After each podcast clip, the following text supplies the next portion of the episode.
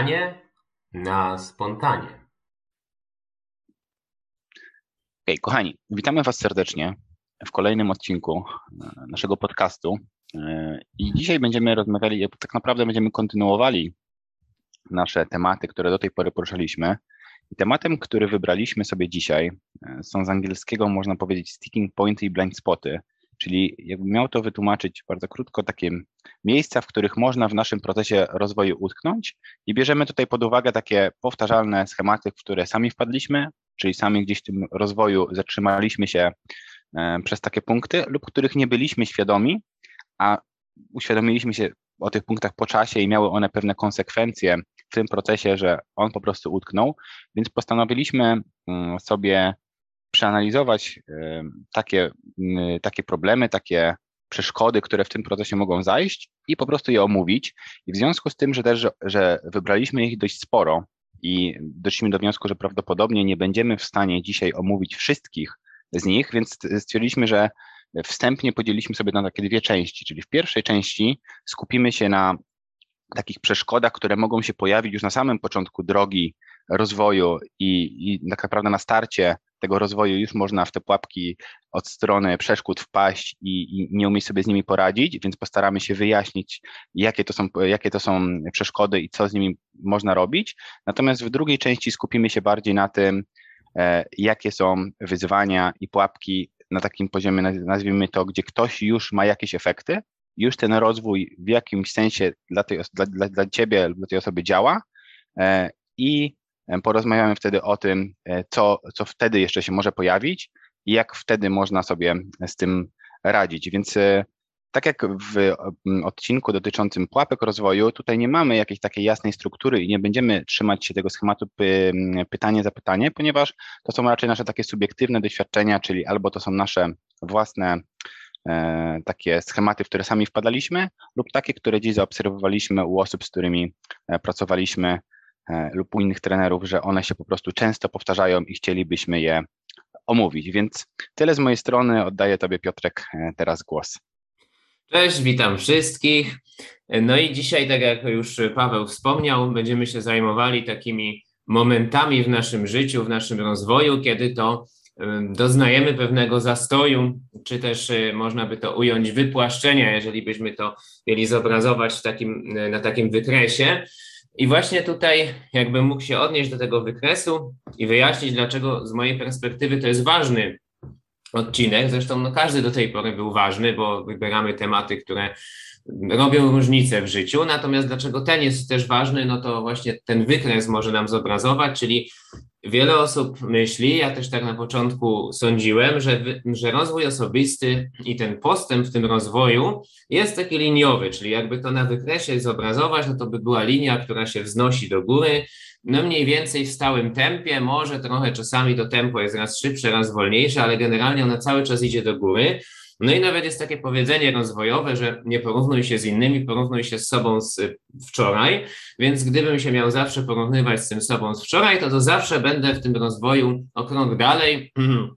bo będę widział, że jestem w cudzysłowie lepszy niż ten ja z wczoraj. No ale w praktyce to nie tak wygląda, bo y, wygląda to mm, w sposób bardziej taki poszarpany, jakby znowu się odwołać do tego wykresu, czyli że mamy zarówno na tym wykresie szczyty, jak i mamy pewne dołki i mamy pewne wypłaszczenia. I jeżeli ten rozwój robimy dobrze, no to ten wykres będzie się piął ku górze, czyli to trochę tak jak trend giełdowy, że mówimy o trendzie giełdowym, jak mamy wyższe szczyty, wyższe dołki, ale generalnie gdzieś tam ta cena, na przykład średnia jakaś z tej ceny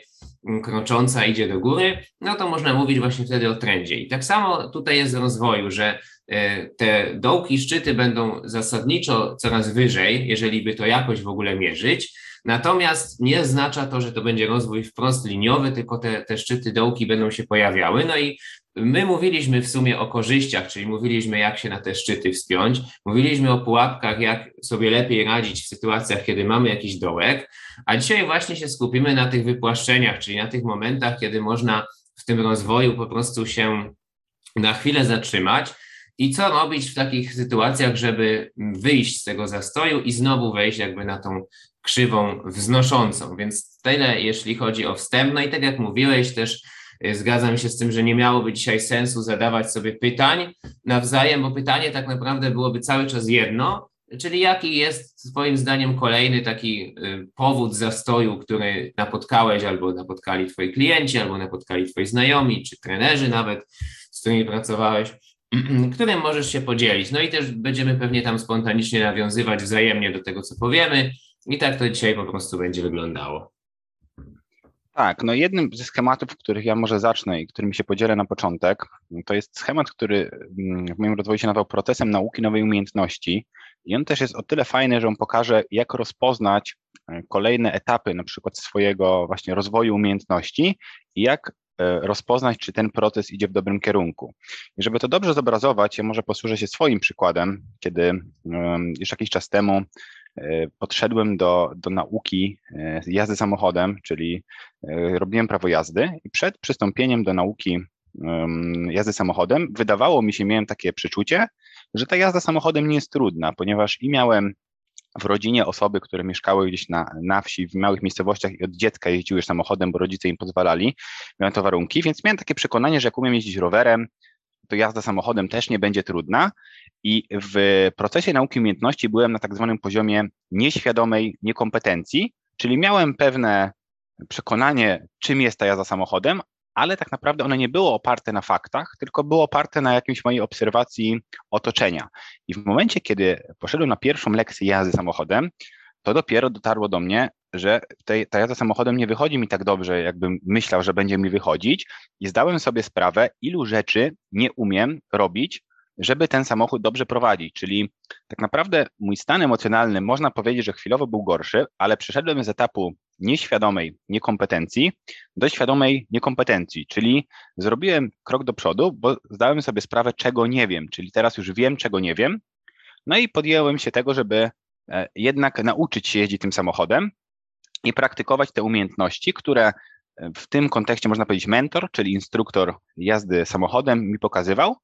Mm, I jeżeli powtarzamy pewne umiejętności w czasie, no to powiedzmy po 20-30 godzinach jazdy byłem na tak zwanym poziomie świadomej kompetencji, czyli już te rzeczy, które jeszcze niedawno wydawały mi się takie straszne, że tyle dużo, tak dużo się muszę nauczyć jest to takie trudne, nie było już to aż tak trudne, bo byłem w stanie sobie z tym poradzić i przejechać jakąś trasę samochodem samemu i instruktor jakby nie ingerował w moją trasę.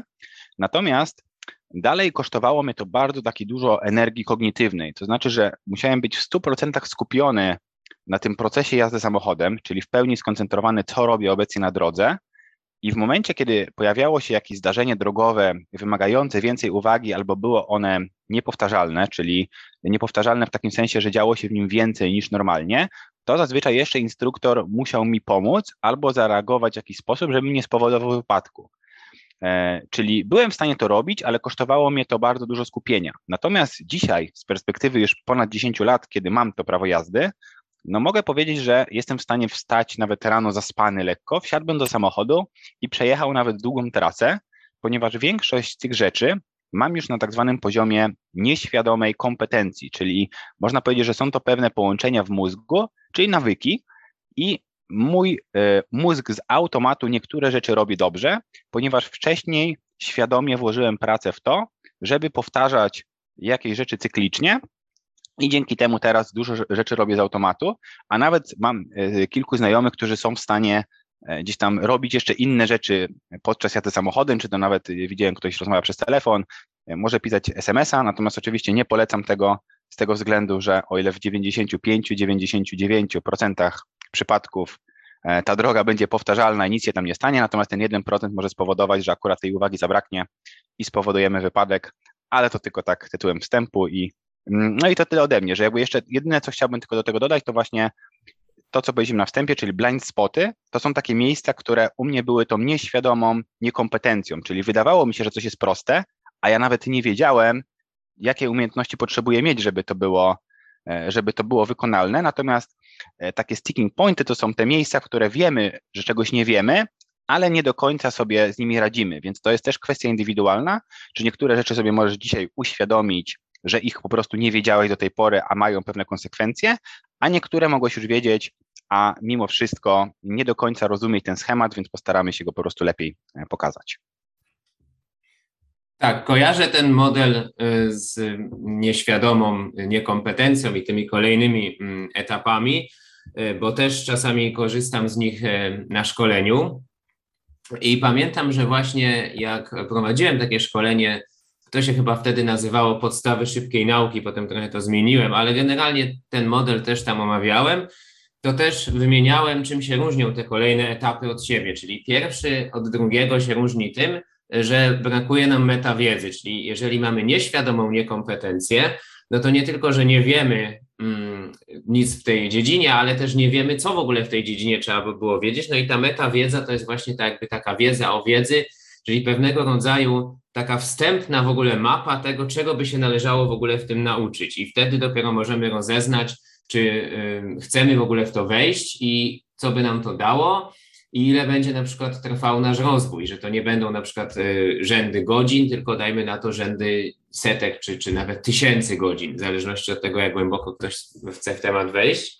No i to jest ta metawiedza. Później na drugim etapie, czyli na świadomej niekompetencji, koncentrujemy się głównie na strukturze, czyli żeby stworzyć poprzez metodę prób i błędów i też rozumienie pewnej teorii, czyli przeplatanie trochę teorii z praktyką, taką strukturę w głowie, jeżeli to, czyli jeżeli mamy jakieś y, okoliczności, to zachowujemy się w dany sposób, czyli powiedzmy, jeśli na tej drodze mamy zakręt, no to wtedy hamujemy, ale też nie hamujemy gwałtownie, jeżeli na przykład sprzeciwka jedzie jakiś duży samochód, i wąska, i droga jest wąska, to może warto go przepuścić i tak dalej. To, jest wszystko to y, struktura właśnie taka, jeśli to. No i w pewnym momencie ta struktura zaczyna się też na tyle już rozbudowywać, zaczyna to wchodzić w pamięć mięśniową, że nam się to automatyzuje, czyli to jest ta trzecia różnica między świadomą już kompetencją a nieświadomą kompetencją, czyli spadają wymagania odnośnie uwagi. Coraz więcej uwagi nam zostaje wolnej, żeby móc robić jakieś ewentualnie inne rzeczy, a mniej tej uwagi musimy poświęcać na daną czynność. I też Pamiętam, że kiedyś mnie ktoś zapytał, czy to nie jest tak, że właśnie ta nieświadoma kompetencja w samochodzie to jest y, coś złego, bo to powoduje, że ludzie jeżdżą na pamięć. No właśnie odpowiedziałem, że nie, że jeżdżenie na pamięć to jest pewien wybór, czyli czy chcesz jechać na pamięć, czy jednak zwracasz uwagę na te znaki, czy, czy przypadkiem się jakiś nowy znak nie pojawił. E, natomiast tylko i wyłącznie na tej nieświadomej kompetencji to jeżdżenie na pamięć jest w ogóle możliwe, bo jak jest kwestia świadomej kompetencji, no to tak dużo uwagi poświęcasz, że y, nie możesz gdzieś tam jej y, przeznaczyć na coś innego, bo natychmiast byłby ten wypadek albo jakiś po prostu y, problem, więc wtedy jest to niemożliwe, żeby jeździć na pamięć. Dopiero jak jest coś nieświadomie kompetentny, to może jeździć na pamięć, ale nie musi tego robić. To jest właśnie ta kwestia, czyli to jest taka, takie małe jeszcze rozróżnienie. No ale jakby właśnie to podsumować, no to tak jak mówię, na każdym z tych etapów trochę inne rzeczy będą naszym celem, czyli w pierwszym etapie celem będzie zdobycie metawiedzy, w drugim etapie celem będzie rozbudowa struktury i w trzecim będzie automatyzacja. No i to znowu pokazuje, że ten rozwój nie jest liniowy, tak? Czyli z jednej strony on nie jest liniowy, bo mamy dołki, szczyty, wypłaszczenia, a z drugiej strony on nie jest liniowy właśnie ze względu na ten model, e, który ty e, opisałeś. Tak, no bo ja też od strony korzyści, tutaj to, co my teraz omówiliśmy, to widzę na pewno to, że wtedy rozumiejąc ten model, można, jest duże takie przyzwolenie, że na początku e, naszego działania po prostu nie będziemy w tym mega jacyś fenomenalni w tym, co robimy i pozwala to taką zrobić dozę do tego, żeby e, sobie poćwiczyć i akceptować to, że te rezultaty nie będą super i że to jest część drogi. A od strony też minusa, to co tutaj widzę, to to, że często mamy takie nawyki, czyli nawyki możemy nazwać rzeczy, które są kompetencją e, już nieświadomą, że nie myślimy o nich, tylko robimy to z automatu, a one na przykład kontekstualnie lub w ogóle są dla nas niekorzystne, po prostu gdzieś się wykształciliśmy w pewnym etapie naszego życia no i teraz trzeba by właśnie wrócić do tego etapu, czyli zauważyć, że one są i tą kognitywną uwagę przekuć i zmienić te nawyki. Natomiast pierwszą rzeczą, już tak idąc dalej, na której ja bym chciał się dzisiaj skupić i którą widzę jako taki problem i też przez który przechodziłem, to można powiedzieć, że to jest po części spłycanie trochę rozwoju e, i wrzucanie go, że rozwój to jest tylko jedna rzecz, lub ja sobie to opisałem jako taki brak rozpisanej strategii na kroki, czyli załóżmy, że chcę się nauczyć właśnie jazdy samochodem lub jakiejkolwiek innej rzeczy, Y, I na przykład mówienie, że wystarczy, żeby mieć jeden zasób i ten zasób załatwi cały temat. Czyli tak jak na przykład w podcaście o pewności siebie, kiedyś mówiłem, że wierzyłem na pewnym etapie, jak byłem y, nastolatkiem, że jak będę pewny siebie, to tak naprawdę mój rozwój mógłby się sprowadzić do tego, że będę pewny siebie i wszystko będzie mi w życiu wychodziło. Tak samo widziałem, że jest pewna grupa osób, z którą pracowałem, y, że i rozmawiałem, że wierzą w to, że wystarczy być zmotywowanym do czegoś, i ta motywacja sprawi, że oni osiągną czymś sukces. Czyli ktoś na przykład mówił, że żeby otworzyć dzisiaj biznes, to on by to, to jest łatwe generalnie do zrobienia otworzenie biznesu według niego, natomiast brakuje mu jakoś motywacji. Czyli on nie do końca wie, jak się do tego zmotywować, e, ale jakby się zmotywował do tego, co chce zrobić, to na pewno łatwo by to zrobił. No i w momencie, kiedy są pewne, można powiedzieć, triki, żeby zbudować jakiś stan emocjonalny, który daje takie dużo energii do działania, no to jak zrobiliśmy te triki, to ja pytam to sobie, czy jak masz teraz tę energię do działania, to jaki by był pierwszy krok na twojej drodze? Co byś w ogóle zrobił e, z tą energią teraz? Jaki by był pierwszy krok? I zauważyłem, że dużo osób nie wie tego, czyli nie miało w ogóle zbudowanej strategii e, tego, jakie kroki trzeba wykonać, żeby zrealizować cel, natomiast ich umysł żeby nie tłumaczyć sobie tego w taki sposób i nie konfrontować się z tym, ile pracy jest do wykonania, wolał sobie e, to po prostu spłycić i powiedzieć, że to jest problem z motywacją, e, tylko nie do końca wiedzą, jak to rozwiązać, gdy tak naprawdę mm, motywacja to jest tylko jeden e, czynnik składowy do tego, żeby jakiś cel zrealizować, a duża część to jest jednak ta praca do wykonania, czyli konkretne kroki, które musimy podejmować. I nawet jeżeli miałbym to powiedzieć na swoim przykładzie, tak jak chociażby teraz nagrywamy podcast i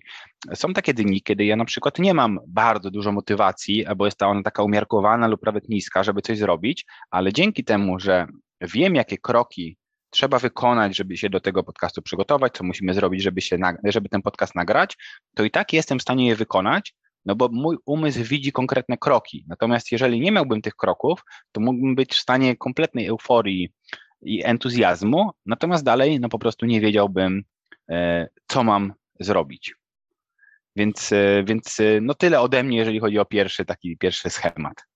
Mhm. Wydaje mi się, że ten schemat jest taki dosyć ogólny i yy, znaczy ogólny w takim dobrym sensie, że jakby opisuje, zawiera w sobie pewne problemy, które ja chciałem na poziomie szczegółowym omówić i pewnie kilka następnych moich wypowiedzi, może jeszcze nie ta konkretnie w tej chwili, ale pewnie kilka moich następnych wypowiedzi będzie się w zasadzie sprowadzało do uszczegóławiania tego, o czym ty powiedziałeś. Czyli tutaj mówiliśmy znowu, żeby to trochę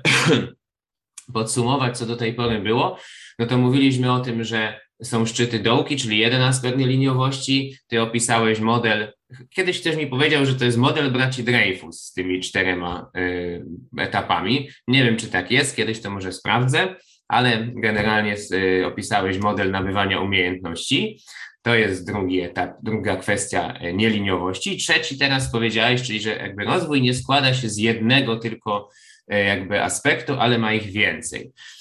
No i to właśnie jest e, coś, od czego ja będę wychodził w kolejnych wypowiedziach, czyli będę mówił właśnie, co się dzieje i jak ja na przykład w swoim życiu miałem, kiedy to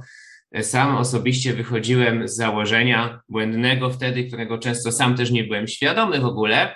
że ten rozwój zawiera tylko jakiś tam jeden element. I też uważam, że nie ma jednego sposobu na to, żeby coś tam osiągnąć. Czyli na przykład nie ma sposobu jednego tylko i wyłącznie na to, żeby się dobrze nauczyć umiejętności socjalnych, towarzyskich. Czyli są ludzie, którzy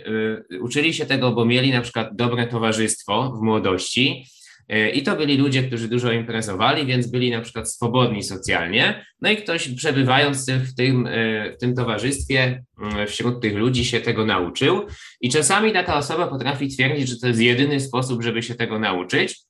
negując to, że na przykład można się tego nauczyć e, strukturalnie, ucząc się pewnych wzorców lingwistycznych, ucząc się e, poprzez chociażby jakieś przełamywanie się w niektórych sytuacjach, czy ucząc się poprzez zmianę przekonań. E, I według mnie jest to błędne podejście, bo zarówno można tak, jak i tak. Natomiast no, z modelowaniem jest, bo to tak naprawdę, jeżeli ktoś gdzieś był, no to zmodelował po prostu innych. Z modelowaniem jest ten problem, że ciężko jest sobie takie warunki zapewnić bo oczywiście mamy coraz większy wpływ na to, kim się otaczamy, tylko trochę jest tak, że żeby się otaczać ludźmi, od których by się można uczyć, to już trochę tych umiejętności socjalnych trzeba mieć. no jak się ich nie ma na starcie, to też trudno pozyskać ludzi, których by się miało modelować.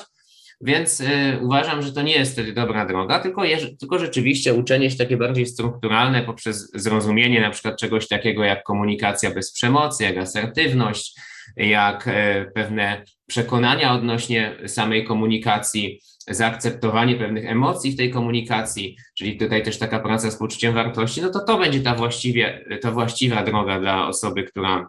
się tego uczy, a nie miała dobrych modeli w przeszłości, niż usilne gonienie za tymi modelami, żeby tylko się od nich uczyć. Także według mnie nie ma jednego sposobu na to, żeby coś rozwinąć, jakąś umiejętność, e, a często, jeżeli ktoś jednym sposobem coś zdobył i usilnie twierdzi, że to jest tylko jedyny sposób, no to bardzo często wpycha nieświadomie jeszcze inne osoby w takie przekonanie, że jest tylko jeden sposób i wystarczy jedną rzecz robić i, i wtedy będziemy mieli ten sukces. No podczas gdy no, według mnie ta prawda jest, jest inna. I oczywiście w pewnym sensie to, co ja mówię często, czyli, czyli budowanie takiego jakby paradygmatu, sposobu patrzenia na rzeczywistość, ona jest w stanie jako taka uniwersalna mapa, e, jak ty mówisz czasem akontekstualna, która e, może wiele kontekstów dobrze opisywać w zależności do, od tego, jaki wybierzemy, jak ją dostosujemy, E, taka mapa, jeśli będzie zbudowana, no to nam w wielu aspektach ułatwi, tylko że ten paradygmat również się nie buduje tylko i wyłącznie jednym sposobem, bo do budowy tego paradygmatu potrzeba i zmiany przekonań, i zrozumienia, i umiejętności, i akceptacji, i konfrontacji, i to wszystko jeszcze można uszczegóławiać. Także e, jakby tą wypowiedź miał podsumować, to to nie ma jednego sposobu, i zazwyczaj e, ten, kto twierdzi, że jest tylko jeden sposób, no to patrzy tylko na siebie, jak on to zrobił, a nie do końca potrafi się postawić w sytuacji innych ludzi, którzy mają zupełnie inny background. I to może prowadzić czasami do błędnych wniosków. No ja myślę, że to też jest właśnie, akurat fajny przykład podałeś a propos umiejętności socjalnych, że umiejętności socjalne faktycznie, jeżeli od, od wczesnego dzieciństwa rodzice byli powiedzmy towarzyscy, czyli dobrze się komunikowali z otoczeniem i mieliśmy takie środowiska zbudowane, gdzie te umiejętności socjalne nasze budowały się naturalnie, to jest też taka rzesza osób, które można powiedzieć, że one naturalnie były dobre, albo ktoś mówi, że miały taki talent do relacji z ludźmi. Natomiast właśnie jak ja, ja sobie to analizowałem, to zauważyłem, że one po prostu od wczesnego mm, dzieciństwa dostały dobry model, tak jak ty powiedziałeś, czy jednym prototypem, jak to zrobić. I myślę, że też właśnie istota takiej pracy indywidualnej z kimś jest właśnie, żeby dobrać pod niego strategię, czyli że to, to co ty powiedziałeś, że coś, co, jeżeli coś działa dla jednej osoby, to może to też wynikać z jego systemu wartości, z jego naturalnych predyspozycji, z jego innych umiejętności, które już on ma i dopasowanie innej umiejętności do tamtych no, pozwala czasem dużo łatwiej osiągnąć dany rezultat, natomiast tych dróg do celu jest wiele i to coś, coś, co będzie działać dla jednej osoby, może nie działać dla innej osoby. I może być też tak, że są po prostu prostsze sposoby do zrealizowania jakichś celów, a niekoniecznie kopiowanie kogoś, y, co ktoś robi. Natomiast istotne na pewno jest to właśnie, żeby mieć ten prototyp, czyli żeby wiedzieć, jak się chce, żeby ta sytuacja wyglądała, bo też ja się spotkałem z czymś takim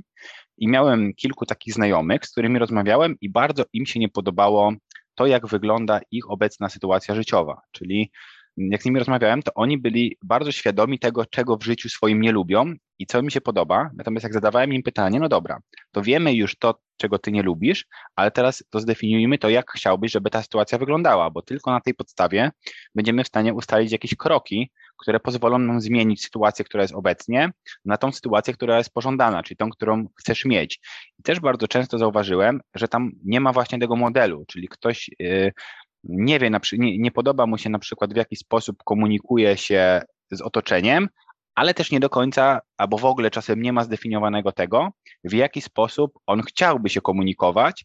E, I to też jest taki, uważam, dość mocny sticking point, bo czasem e, jedno jest, żeby, żeby to namierzyć, ale dwa, żeby po prostu zdefiniować, w jaki sposób chciałoby się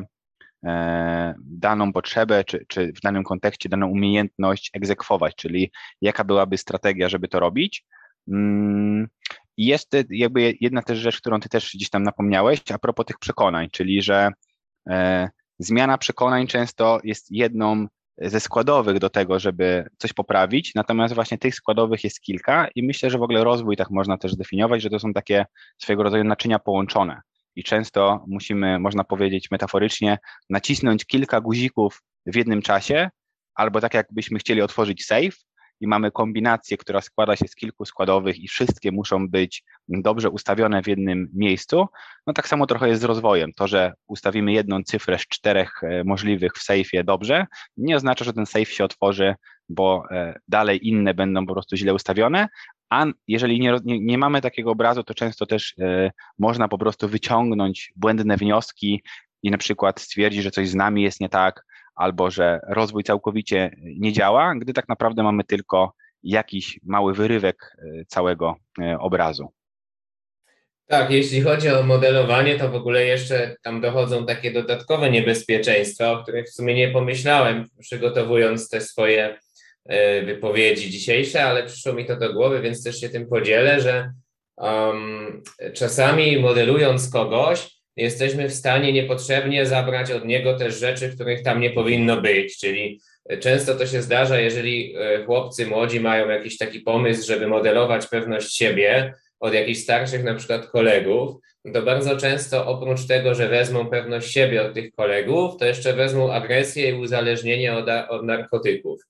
I to jest często właśnie taki problem, że mm, to jest może przykład skrajny, ale później już w dalszym życiu też potrafimy wziąć sobie jakiś model i wziąć od niego niepotrzebnie pewne rzeczy, które wcale niekoniecznie nam pomogą. Czyli ktoś też może wziąć pewność siebie, dajmy na to, od jakiegoś trenera, bo zauważy na przykład, że ten trener przeklina albo że ten trener bardzo dynamicznie gestykuluje, a na przykład ten, kto to bierze, ma powiedzmy taką aparycję czy taką energię, do której kompletnie nie pasuje na przykład przekleństwo, albo do której kompletnie nie pasuje zbyt dynamiczna gestykulacja i wygląda to po prostu niespójnie. I zamiast wziąć właśnie pewność siebie od takiego trenera, czyli to, jak on się czuje, no to bierze często jeszcze jakieś tam dodatkowe rzeczy, e, myśląc, że to mu da pewność siebie, więc to jest też taka kolejna pułapka. Natomiast ty już też zacząłeś mówić o zmianie przekonań, więc ja się do tego odniosę też. Czyli ogólnie właśnie zmiana przekonań jest e, o tyle istotna, że możemy dojść do pewnego wypłaszczenia właśnie w tym rozwoju, kiedy będziemy się starali działać tylko i wyłącznie na poziomie y, zmiany pewnych zachowań albo y, nabycia nowej umiejętności, jakiegoś nowego typu wskazówki. Czyli ja tak zaczynałem właśnie, że głównie optymalizowałem, jak ty to określasz, Czyli raczej wchodziłem w takie tematy jak zarządzanie sobą w czasie, jak jakaś tam komunikacja, y, uczenie się mowy ciała i tak dalej, po to na przykład, żeby wyglądać na osobę bardziej pewną siebie albo żeby w tym samym czasie więcej zrobić. No i tam tu było, że na przykład y, chodź bardziej wyprostowany, że utrzymuj kontakt wzrokowy, że mów głośniej, że mów bardziej z przepony, że mm, w kontekście zarządzania sobą w czasie, no to tam znowu stosuj kalendarz, słuchaj audiobooków w drodze. No i mnóstwo było tych typów i ja te rzeczy zacząłem stosować, zacząłem mieć efekty, czyli zacząłem widzieć, że faktycznie wiedzy teraz nabywam znacznie więcej, szybciej się uczę niż nawet na przykład w liceum, mimo że w liceum się dobrze uczyłem i zobaczyłem, jak to przyspieszyło. Tak samo później zauważyłem, że faktycznie ludzie mnie odbierali jako osobę bardziej pewną siebie, gdy te elementy mowy ciała gdzieś tam wdrożyłem, chociaż to oczywiście było trochę takie powierzchowne przykrywanie tych mm, problemów, ale jakiś tam wstępny efekt to dało, więc miałem motywację. No ale problem się pojawił, bo jakby jeżeli chciałem dodawać kolejnych tipów, to ja musiałem coraz więcej rzeczy pamiętać, żeby robić. Bo już stwierdziłem, ok, mowa ciała, no ale to jeszcze powiedzmy gestykulacja, powiedzmy to też jakiś element mowy ciała, tam była kwestia sylwetki, tu gestykulacja, tu kontakt wzrokowy, tutaj ton głosu, tutaj jakiś wybór specjalnych e, słów zamiast jakichś innych i tak dalej, i tak dalej. No i teraz było tyle tych typów do zapamiętania, żeby na przykład być osobą bardziej perswazyjną, żeby mieć większy taki wpływ, żeby mocniej jakby oddziaływać, żeby być liderem przykładowo, E, no i teraz, jak miałem tyle rzeczy do zapamiętania, to już nie umiałem się skupić na tym, co ja chcę w ogóle tym ludziom powiedzieć jako lider, tylko na wszystkich tych aspektach, które będą ze mnie czyniły kogoś, kto wygląda na tego lidera. No i teraz problem był taki, że nie da się w pewnym momencie już wszystkiego załatwiać zmianą zachowań, bo nie da się tego zapamiętać, trzeba wybrać te najważniejsze, ale można zrobić coś takiego, czyli właśnie zmienić przekonania, odnośnie na przykład tego, jak, kim jesteś ty, kim są inni ludzie, czym jest w ogóle komunikacja, co ty od tych ludzi chcesz, co ty im możesz dać, czego się ich, od nich boisz, boisz i, i, i tak dalej. Wszystkie te pytania, które wymieniłem, to każde jedno warto, warto by było sobie odpowiedzieć. Możecie to nawet zrobić sobie w, w domach e, czy, czy po tym podcaście, bo to swoją drogą może być też wzbogacające, jeżeli na komunikację, nad, nad komunikacją pracujecie.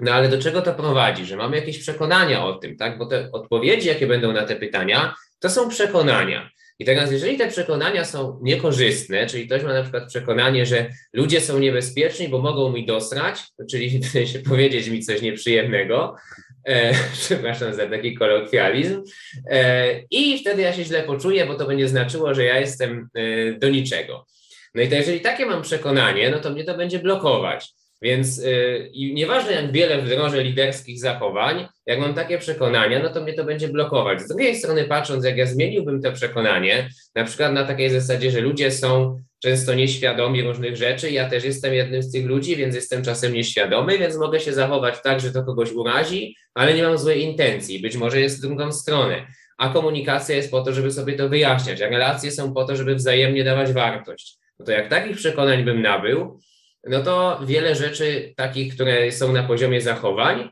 od razu się samodzielnie poprawi. Ja już nie będę musiał pamiętać o mowie ciała, o kontakcie wzrokowym, bo ja to będę naturalnie robił, bo jak chcę się połączyć w jakiś sposób z drugą osobą, to ja nie muszę sobie przypominać, ej, trzymaj kontakt wzrokowy, tylko ja naturalnie tego będę chciał. I to jest y, kwestia pracy nad przekonaniami. Więc y, oczywiście tipy mogą coś tam dać, takie wskazówki zachowania. Raz, że na początku, dwa, że też praca z przekonaniami jest dłuższa, więc tip jest szybciej zastosować, da się szybciej zastosować,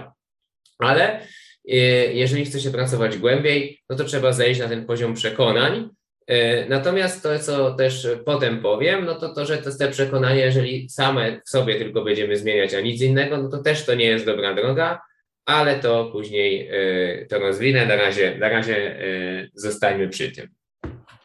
Ty powiedziałeś w ogóle fajną rzecz. Właśnie ja kiedyś sporo się nad tym zastanawiałem a propos tego optymalizowania, a potem tego drugiego, nazwijmy to paradygmatu, gdzie porzucamy to i dochodzimy do autentyczności. I wręcz mi się wydawało wtedy, ja wręcz teraz też mam taką opinię na ten temat, że te optymalizowanie jest nawet, że nie, powiedziałbym niezbędne na samym początku, no bo z czegoś musimy wyjść. Natomiast one jeżeli optymalizujemy nasze życie, tak jak ty powiedziałeś, tipami, to w pewnym momencie, to już jest taki właśnie e, etap zazwyczaj średnio zaawansowany, że mamy dzięki temu optymalizacji pewne rezultaty, ale widzimy, że to nie do końca jest to. Natomiast dzięki temu, że optymalizowaliśmy, to możemy na przykład zarobić więcej pieniędzy, zdobyć pewne rzeczy i zdobyć, mówiąc na ogólnym poziomie, pewne zasoby, które chociażby możemy potem zainwestować w rozwój, żeby przejść dalej. Więc często ten etap pierwszy, czyli to optymalizowanie, jest tym etapem niezbędnym do tego, żeby przejść dalej. Ja uważam, że, że ma to jak najbardziej e, zastosowanie, żeby, żeby po prostu na początku zacząć od optymalizowania, bo nawet jakbym spojrzał na siebie, kiedy zaczynałem, to ja ewidentnie zaczynałem z tego etapu, czyli ja w ogóle wychodziłem właśnie ze schematu, że mam być jakiś i inspirowali mnie trenerzy i myślałem, właśnie modelowałem ich tak ślepo, a dopiero potem zacząłem e, robić to, co ty powiedziałeś wcześniej, czyli odkrywać te, nega te negatywne części albo negatywne dla mnie, bo to też coś, co dla kogoś działa, to właśnie dla mnie nie działało i porzucać te schematy, które są e, dla mnie niekorzystne, a zostawiać te, które mi dało. I oczywiście, nawet jeżeli to idzie z innego miejsca już we mnie, to większość tych e, zachowań, nawyków, które sobie wtedy stworzyłem, mówiąc kolokwialnie, czyli tych tipów takich, które wprowadziłem, dalej działa, Natomiast faktycznie zauważyłem, że to nie jest taka finalna droga i ona nie da mi pewnej satysfakcji. A jeżeli chodzi mm, o same przekonania, no to ja może tutaj powiem, że e, jeżeli chodzi o pracę na, na, na przekonaniach, to też ważne, żeby to jak ja widzę przekonania, żeby po pierwsze właśnie rozwój moim zdaniem zmierza do tego, żeby tą naszą mapę, czyli ten model rzeczywistości, o którym rozmawialiśmy w jednym z poprzednich odcinków, doprecyzowywać. Bo dla mnie bardzo istotne jest to, żeby przekonania były, że osoby, które w ogóle zajmują się rozwojem już e, długi czas, mają dość precyzyjne przekonania, czyli możemy powiedzieć, że mm, e, na przykład, czy, czy, ludzie są dobrzy, czy ludzie są źli, jest to tak ogólne przekonanie, że rzeczywiście według naszych kryteriów znajdziemy pewne osoby na, na świecie, które spełniają te kryteria i według nich są dobre, i znajdziemy też takie osoby, które są złe. Więc istotą rozwoju na pewnym poziomie jest to, żeby doprecyzowywać swój model rzeczywistości i żeby patrzeć na te przekonania kontekstualnie, bo to jest pewnego rodzaju zasób. I jeżeli ja miałbym tak rozgraniczyć i opisać jakiś model przekonań, to dla mnie bardzo istotne jest to, żeby te przekonania bazowały na faktach, bo tak jak mówiłem o swojej nauce jazdy samochodem, to ja miałem przekonanie, że to jest łatwe, ale to przekonanie było ograniczające w kontekście, że jeżeli bym wsiadł z takim przekonaniem do samochodu i chciał gdzieś pojechać, za pierwszym razem prawdopodobnie spowodowałbym wypadek, bo przeceniłem swoje umiejętności. I bardzo często widzę to, że dużo osób bardzo mocno przecenia swoje, umiejętności, swoje e, umiejętności obecne, czyli ma przekonania, że ich umiejętności są wyższe niż są realnie, a bardzo mocno e, nie docenia tego, gdzie mogą być, jeżeli będą wykonywać pewną pracę. Czyli ja sobie zapisałem to nawet jako taki mindset sprint versus maraton. Czy rozwój to jest, jakby patrząc na proces, czy to jest pewnego rodzaju sprint, czy jest to maraton. I zauważyłem, że jeżeli byśmy robili pewne rzeczy, tak jak chociażby, żeby to fajnie zobrazować, wezmę trening taki na, na siłowni, czy trening z ciałem, no to też jest to pewien proces, czyli jeżeli chcemy transformować naszą sylwetkę, nasze ciało, to potrzebujemy jakiegoś czasu, bo tak działa też biologia i natura człowieka, że to ciało potrzebuje się regenerować i żeby je przemodelować, potrzebujemy konsekwentnej pracy, czyli e, musimy chodzić na przykład na trening 2-3 razy w tygodniu przez rok, dwa lata, żeby zrealizować określony cel. No i jak zobaczyłem, że w rozwoju jest podobnie, czyli też jeżeli chcemy popracować nad pewnymi schematami, zmienić pewne strategie, zdobyć pewne umiejętności, to jest to też pewien proces, ale umysł człowieka jako że, że ciało jest dużo bardziej widoczne i widzimy te, mierzymy te rezultaty raz, że wizualnie i mamy dużo więcej mierników, a często właśnie e, praca z umysłem jest taka trochę nieco triki, czyli taka, że, że dużo ciężej jest zmierzyć, czy ten rozwój idzie w dobrym kierunku, to widziałem też podejście i sam nie ukrywam, w nie wpadałem, że wierzyłem, że dużo rzeczy jestem w stanie zrobić taką intensywną, interwałową pracą, czyli jeżeli raz po prostu będę miał dobry dzień i włożę w coś bardzo dużo czasu, to da mi to efekty, gdzie tak naprawdę zazwyczaj jest to po prostu kontynuacja pewnych działań w czasie, czyli rozłożenie ich z mniejszą intensywnością w większej ramie czasowej i efekty i nawyki e, przychodzą z tej e, powtarzalności, bo takim skrajnym może jeszcze przypadkiem, który widziałem, to są na przykład sportowcy, którzy mimo wszystko, że wiedzą, że trenują przez okres 10-15 lat i jest to powtarzalne, to i tak mają takie interwały w trakcie, gdzie robią sprinty, czyli jeszcze bardziej zwiększają intensywność, żeby mieć pewne rezultaty. I to faktycznie może działać, ale to jest właśnie skrajny przypadek, gdzie mimo wszystko jest zachowana pewna ciągłość e, i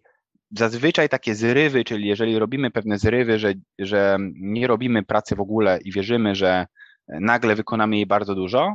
no nie daje za dużo efektów i często, jeżeli jesteśmy niedoświadczeni w rozwoju i właśnie w pracy z przekonaniami, czyli tu mam na myśli pracę z przekonaniami, żeby dobrze wyciągać wnioski z tego, co się dzieje z rzeczywistości, to możemy na przykład zinterpretować, że nie mamy w czymś talentu, nie nadajemy się do czegoś, albo nie możemy czegoś osiągnąć, a będzie to wynikało też tylko i wyłącznie z tego, że dobraliśmy sobie e, złą strategię lub mamy zbyt duże oczekiwania do tego, jakie będą rezultaty, E, bo jest to po prostu niemożliwe, czyli tak jak nasze ciało ma pewne ograniczenia, tak samo i nasz umysł e, ma pewne ograniczenia do tego, jak szybko ta zmiana może zachodzić. Tak, to ciekawe, co mówisz o tym, że przekonania są zgeneralizowane. Ja totalnie się z tym zgadzam i tak jak ja wspomniałem wcześniej, no to możemy mieć takie przekonanie, że na przykład ludzie są nieświadomi na zasadzie, że Często mamy mm, po pierwsze różne programy jako ludzie w ogóle, które powodują, że pewne rzeczy postrzegamy źle, ale też po drugie, że my w komunikacji często zakładamy, że ktoś coś wie, a tak naprawdę to jest na wyrost. I to jest jakieś takie rzeczywiście przekonanie, które można by było mieć na takim poziomie generalnym, że dotyczy to prawie wszystkich ludzi, no bo co do prawie wszystkich my projektujemy, że oni wiedzą więcej niż rzeczywiście, i z różnych powodów nie jest tak, jak myślimy. Natomiast faktycznie, jeżeli mamy mieć przekonanie, czy ludzie są hamscy, czy ludzie są na przykład mili, czy ludzie są uprzejmi, czy chcą pomagać, czy chcą rywalizować, no to to jest bardzo e, przekonanie zgeneralizowane i pewnie są tacy i tacy, a wręcz można powiedzieć, że w danych kontekstach jedni, jeden i ten sam człowiek może się zachowywać raz bardziej na rywalizują, raz bardziej rywalizują,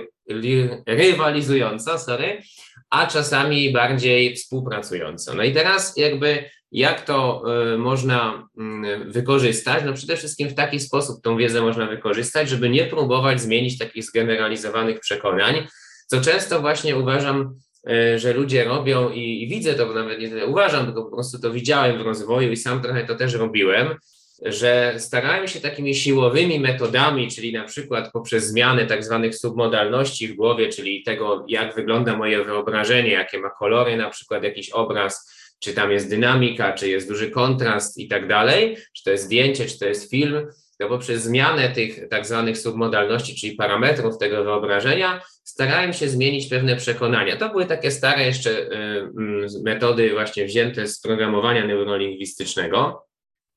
No i próbowałem w ten sposób zmienić to, czy ludzie mnie na przykład oceniają dobrze czy źle, albo czy e, ludzie są właśnie tacy czy tacy. No i to generalnie były przekonania po prostu błędnie sformułowane, bo to tak jakby mieć na stole pięć jabłek zielonych i pięć czerwonych i ktoś by przyszedł i powiedział, te jabłka są zielone albo te jabłka są czerwone. No to bez sensu jest takie przekonanie, no bo ani nie są czerwone, ani nie są zielone, tylko jedne są takie, inne są takie. I zanim się zacznie pracować nad przekonaniem danym y, i próbować je zmienić, to warto się zastanowić, których jabłek to w ogóle dotyczy, czy tam których ludzi to w ogóle dotyczy. I później dopiero z tym pracować, czyli zobaczyć, że ok, jedni się zachowują tak, inni tak, więc bez sensu jest mieć przekonanie zgeneralizowane. I teraz, jeżeli mnie boli na przykład to, że ktoś jest chamski, no to jakie tutaj może być przekonanie? I na przykład może być takie, że jeśli ktoś się chamsko zachowa, to ja wtedy źle myślę o sobie, albo jeśli ktoś się chamsko zachowa, to ja nie potrafię obronić swoich granic. I wtedy na przykład jest praca z konkretnym już przekonaniem, że aha, okej, okay, czyli nie potrafię bronić granic, no to z jednej strony muszę nabrać pewnego przekonania, co to w ogóle znaczy ta obrona, a po drugie być może to mnie będzie prowadziło do zmiany jakiejś umiejętności. Także to też prowadzi znowu do wniosku, że same tylko przekonania, gdybyśmy zmieniali, no to też by to nie było dobre, czyli znowu się ten wniosek potwierdza, że trzeba tę drogę rozwojową komponować z wielu aspektów i przekonania są jednym, jednym na pewno z nich, ale właśnie takie pracowanie, praca taka z przekonaniem zbyt zgeneralizowanym to jest według mnie błąd. I pierwsze co należy zrobić to właśnie uprościć to przekonanie, czyli je spre, znaczy może nie tyle uprościć, co sprecyzować je właśnie, czyli zobaczyć, gdzie y, rzeczywiście ono się aplikuje, czego ono dotyczy, i później, jak już mamy dobrze zidentyfikowane to, co naprawdę nam przeszkadza, no to dopiero z tym y, można pracować i to zmieniać. I to też nie uważam takimi metodami siłowymi, czyli na przykład właśnie zmiana submodalności, czy też afirmacje do lustra, też pamiętam, że nawet film taki był o jednej z sieci MLM-owych, która tam takie kasety dawała ludziom i te kasety tam zawierały jakiś, jakiś, jakąś mantrę, którą trzeba było powtarzać i żeby w to uwierzyć. No to, to jest według mnie karykatura tej zmiany przekonań. Natomiast y, prawdziwa zmiana przekonań polega na tym, że się po pierwsze je dobrze identyfikuje, czego ono dotyczy, a po drugie się patrzy na to, w jaki sposób ono powstało, jakie zawiera zniekształcenia i jak ewoluowało później. O tym mówiliśmy w nagraniu o modelach rzeczywistości, więc tam odsyłam, jeżeli ktoś z Was nie słuchał, e, bo tam szczegółowo tą kwestię wyjaśniamy z Pawłem ale właśnie ta zmiana przekonań, jeżeli jest robiona błędnie, no to może ktoś afirmować sobie godzinami różne rzeczy, a i tak w to nie uwierzy, no bo umysł jest tak skonstruowany, że wykrywa niespójność i to jest jedna z jego podstawowych, mm, jedna z podstawowych funkcji. Więc jeżeli mamy przekonanie, które jest niespójne z innymi, czyli ja sobie wmówię na przykład, że jestem ekstremalnie pewny siebie, a tu mam mnóstwo referencji, które to obalają, czyli mnóstwo jakichś sytuacji, w których się zachowuje przeciwnie do tego, no to to przekonanie upadnie, tak jak ty kiedyś podawałeś tą metaforę ze stołem, jak stół nie miałby żadnej nogi, no to ten blat się nie utrzyma. No i podobnie to wygląda z tymi przekonaniami, więc jeżeli je budujemy na takim e, grząskim gruncie, no to nie ma się co dziwić potem, że one się zawalą. Natomiast e, jedyną według mnie, przynajmniej na dłuższą metę drogą do tego, żeby je budować na solidnych nogach, na solidnych fundamentach, jest właśnie identyfikowanie, skąd one się wzięły i gdzie tu był po drodze błąd poznawczy, no bo wtedy zobaczymy, gdzie jest problem, automatycznie wskoczy nam jako substytut, jako coś nowego przekonanie bliższe prawdy i ono będzie spójne z innymi rzeczami, bo ten proces będzie wykonywany na bazie świadomości, a nie na bazie siły. I wtedy według mnie jest to dużo bardziej spójne i dużo bardziej to prowadzi nas do czegoś e, trwałego, a nie do chwilowego pompowania się e, motywacją płynącą z tego czy innego przekonania. Tak, no w ogóle takie przekonania, które są afirmacyjne, to jak je tak też można przeanalizować, że one często właśnie próbują wyprzeć tą część nas, która się tak nie czuje, czyli jeżeli ktoś ma bardzo dużą potrzebę afirmowania sobie i mówienia, że jest pewny siebie, to zazwyczaj wynika to z tego, że jakaś część jego osobowości nie jest pewna siebie i on wierzy w to, że takim działaniem będzie w stanie ukryć i schować tą e, część osobowości, co też jest pewnego rodzaju walką samym sobie, so, sobą, czyli e, proces, który jest takim procesem korzystnym i to uwalnia, to skonfrontować się z tą częścią siebie, która nie czuje się pewna siebie z jakichś powodów, e, porozmawiać, skontaktować się z nią i sprawdzić, z czego to wynika, że ona nie czuje się pewna, pewna siebie. I prawdopodobnie, jeżeli byśmy to zrobili i dokończyli ten proces, to ta pewność siebie pojawi się naturalnie. Natomiast no też nie, nie, nie będę udawać, że nie miałem takich problemów, bo faktycznie nawet sporo miałem, że próbowałem właśnie w ten sposób walczyć z samym sobą, że miałem jakąś część, która kontekstualnie nie, nie uniemożliwiała mi dokończenie, zrealizowanie pewnych celów, bo właśnie wychodziła jakaś na przykład zraniona część mnie, która się bała i nie chciała, żebym realizował jakiś cel. Natomiast ta druga, która bardzo chciała ten cel zrealizować, próbowała właśnie za pomocą takich technik, czy to mocnej afirmacji, czy takiego bardzo skupienia się na tym, że mm, tak po prostu ma być i że to jest tylko iluzja y, mojego umysłu, że, że nie jestem pewny siebie, próbowała jeszcze bardziej głębiej zepchnąć tamtą część, co długofalowo jakby miało negatywne konsekwencje, bo było jeszcze więcej pracy do wykonania i potem ten kontakt z tą zaranioną częścią był jeszcze trudniejszy, bo dostawała ona po prostu bardzo dużo sygnałów e, od tej, nazwijmy to, silniejszej części, czyli z takiej pozycji siły, z takiej niezdrowej komunikacji, że jest niewartościowa e, i nie ma e, prawa dojść do głosu. A jeszcze inną kwestię, którą też widzę i też może tu jeszcze wspomnę o niej a propos zmiany przekonań, to często, jeżeli E, mówiliśmy to, nie pamiętam w którym odcinku, właśnie wydaje mi się, że też w modelach rzeczywistości, że jeżeli zmienimy sobie nasze przekonania, czyli przekonania to są powtarzalne myśli, które nam się pojawiają, no to one zazwyczaj będą prowadziły do pewnego odczucia w ciele i to odczucie w ciele będzie prowadziło do działania. Więc e, też widzę rzesze osób i też przechodziłem przez taki etap, że jeżeli pracujemy tylko na przekonaniach i zajmuje nam to bardzo długo czasu, a nie ma za tym działania, no to znaczy, że jednak coś tam siedzi głębiej, bo dobrze ustawione przekonania zazwyczaj powinny nas kierować do tego, żebyśmy podejmowali pewne działania, no bo mamy korzystne i, e, i nazwijmy to precyzyjne, e, zdefiniowane to, jak wygląda rzeczywistość i co my w tej rzeczywistości możemy zrobić. Z takich e, nazwijmy to może odstęp, które widziałem, to też jest praca właśnie na przekonaniach kontekstualnych bez uwzględnienia innych kontekstów, czyli widziałem osoby, które bardzo dużo właśnie afirmują na temat bogactwa, tego, że zasługują na to, żeby obfitość płynęła do ich, e, strumieniem do nich płynęła, żeby zarabiały dużo pieniędzy i tak dalej, i tak dalej, czyli otwieranie się na to, żeby te pieniądze jakby przyjmować do swojego życia, natomiast kompletnie nie pracowały na przykład na przekonaniach i nad tym, jaką wartość mogą dać światu, czyli za co te pieniądze miałyby płynąć. Czyli to też jest takie trochę właśnie uciekanie od siebie intencjonalne patrzenie, że jak zacząłem to e, rozbijać na czynniki pierwsze, pytałem kogoś, no dobra, jeżeli pieniądze mają płynąć do twojego życia takim obfitym strumieniem, no to, to, to skąd one mają płynąć? No co nagle Mikołaj przyleci z workiem pieniędzy i ci wrzuci je przez okno? No raczej e, jakby, jeżeli ktoś faktycznie ma taki schemat, że daje dużo wartości, ale jest gdzieś zablokowany, że nie umie poinformować drugiej strony, że wykonał dla niego jakąś pracę i że za tą pracę należą się pieniądze, no to faktycznie można wtedy pracować na przekonaniach dotyczących pieniędzy, czy tam coś coś jest nie poblokowane i czy nie ma jakichś ograniczających w tym kontekście przekonań dotyczących na przykład przyjmowania pieniędzy. Ale w drugą stronę, mówienie sobie ciągle w domu, że jeżdżę Porsche albo i tak dalej, a nie wykonywanie żadnej pracy, no jest właśnie takim drugim odstępstwem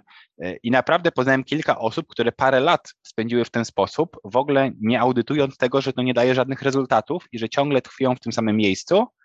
a w żaden sposób nie próbują zmienić strategii, tylko wierzą, że pewnego dnia magicznie jakoś to się stanie, że e, ta rzecz się po prostu dla nich w życiu zmieni. No i możemy się to odwołać do tego, co już powiedzieliśmy wcześniej, czyli do tego, że mm, to nie jest tak, że tylko jeden element wymaga pracy, tylko czasem on zadziała dopiero wtedy, kiedy kilka rzeczy weźmiemy pod uwagę w tym samym e, czasie.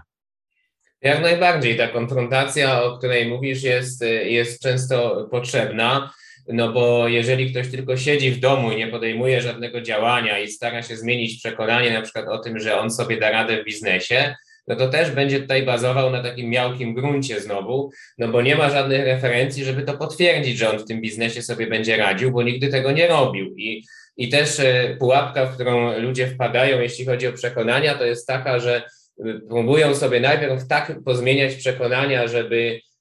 wszystko mieć świetnie opanowane na zasadzie, że wszystko będzie pozytywne, wszystko kontroluję, wszystko mi się uda. I próbują na taki mm, zmienić, e, na taki typ przekonań swoje, swoje właśnie wewnętrzne jakieś e, twierdzenia i w to, co po prostu wierzą,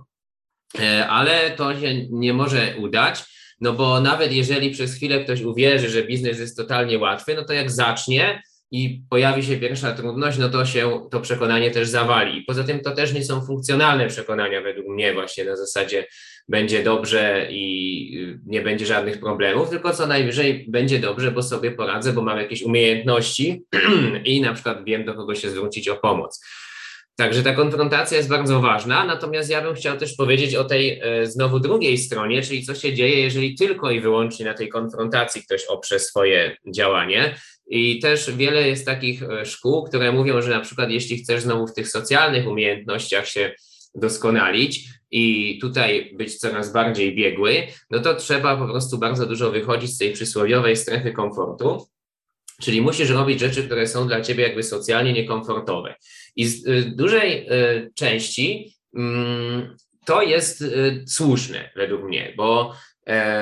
rzeczywiście to, co robi nasze nowoczesne społeczeństwo, to robi nas, to czyni nas trochę takimi socjalnymi zombie. Czyli musimy wykonywać pewne rzeczy i nie wychylać się poza jakiś tam dopuszczalny zakres zachowań, bo jeżeli to zrobimy, no to ludzie na nas jakoś tam spojrzą, to nas ma przywołać do początku, wywołać takie poczucie ostracyzmu, wstydu. I w związku z tym my przywołamy się do porządku sami, potem uczymy się sami już to robić i nie będziemy wy wykonywać pewnych rzeczy, czyli na przykład nie będziemy rozmawiać z obcymi ludźmi, nie będziemy wycho wychodzić z innowacyjnymi pomysłami, nie będziemy się ubierać w sposób, który by jakoś bardzo zwracał na nas uwagę i tak dalej, i tak dalej gdzie warto według mnie, znaczy warto, warto korzystać z tego, że można te wszystkie rzeczy robić. Tak? No z ubieraniem to oczywiście kwestia jest bardzo indywidualna, ale y, chociażby takie kwestie jak nawiązywanie pewnych kontaktów albo mówienie swojego zdania, no to często to jest to, co społeczeństwo nas, do czego społeczeństwo nas zniechęca tym programowaniem, Y, I warto się uczyć poprzez taką konfrontację właśnie tego, że nic się takiego złego nie stanie, jeżeli to zrobię. Czyli jeżeli się wygłupię gdzieś wśród ludzi, to nic takiego się nie dzieje. Jeżeli ktoś mnie krytykuje publicznie, to nic się takiego nie dzieje. Jeżeli y, ja gdzieś wyjdę na przykład poplamiony i ktoś to zobaczy, to nic się takiego wielkiego nie dzieje, o ile to nie będzie, nie wiem, jakiś ślub czy jakieś spotkanie biznesowe z jakimś kluczowym klientem, to najprawdopodobniej nic się nie stanie. Będę mógł przyjść, wrócić się na chwilę do domu, przebrać, wyczyścić albo cokolwiek zrobić, albo nawet to olać, bo nie ma takiego problemu, że już mnie tutaj natychmiast źle ocenią i zostracyzmują. Ale my często mamy w głowie takie myślenie, no i panicznie się boimy tego socjalnego osądu, i to jest coś, co można w pewnym sensie przepracować taką konfrontacją, czyli rozumiejąc to, y, że nic się takiego nie stanie, wychodząc z tej strefy komfortu.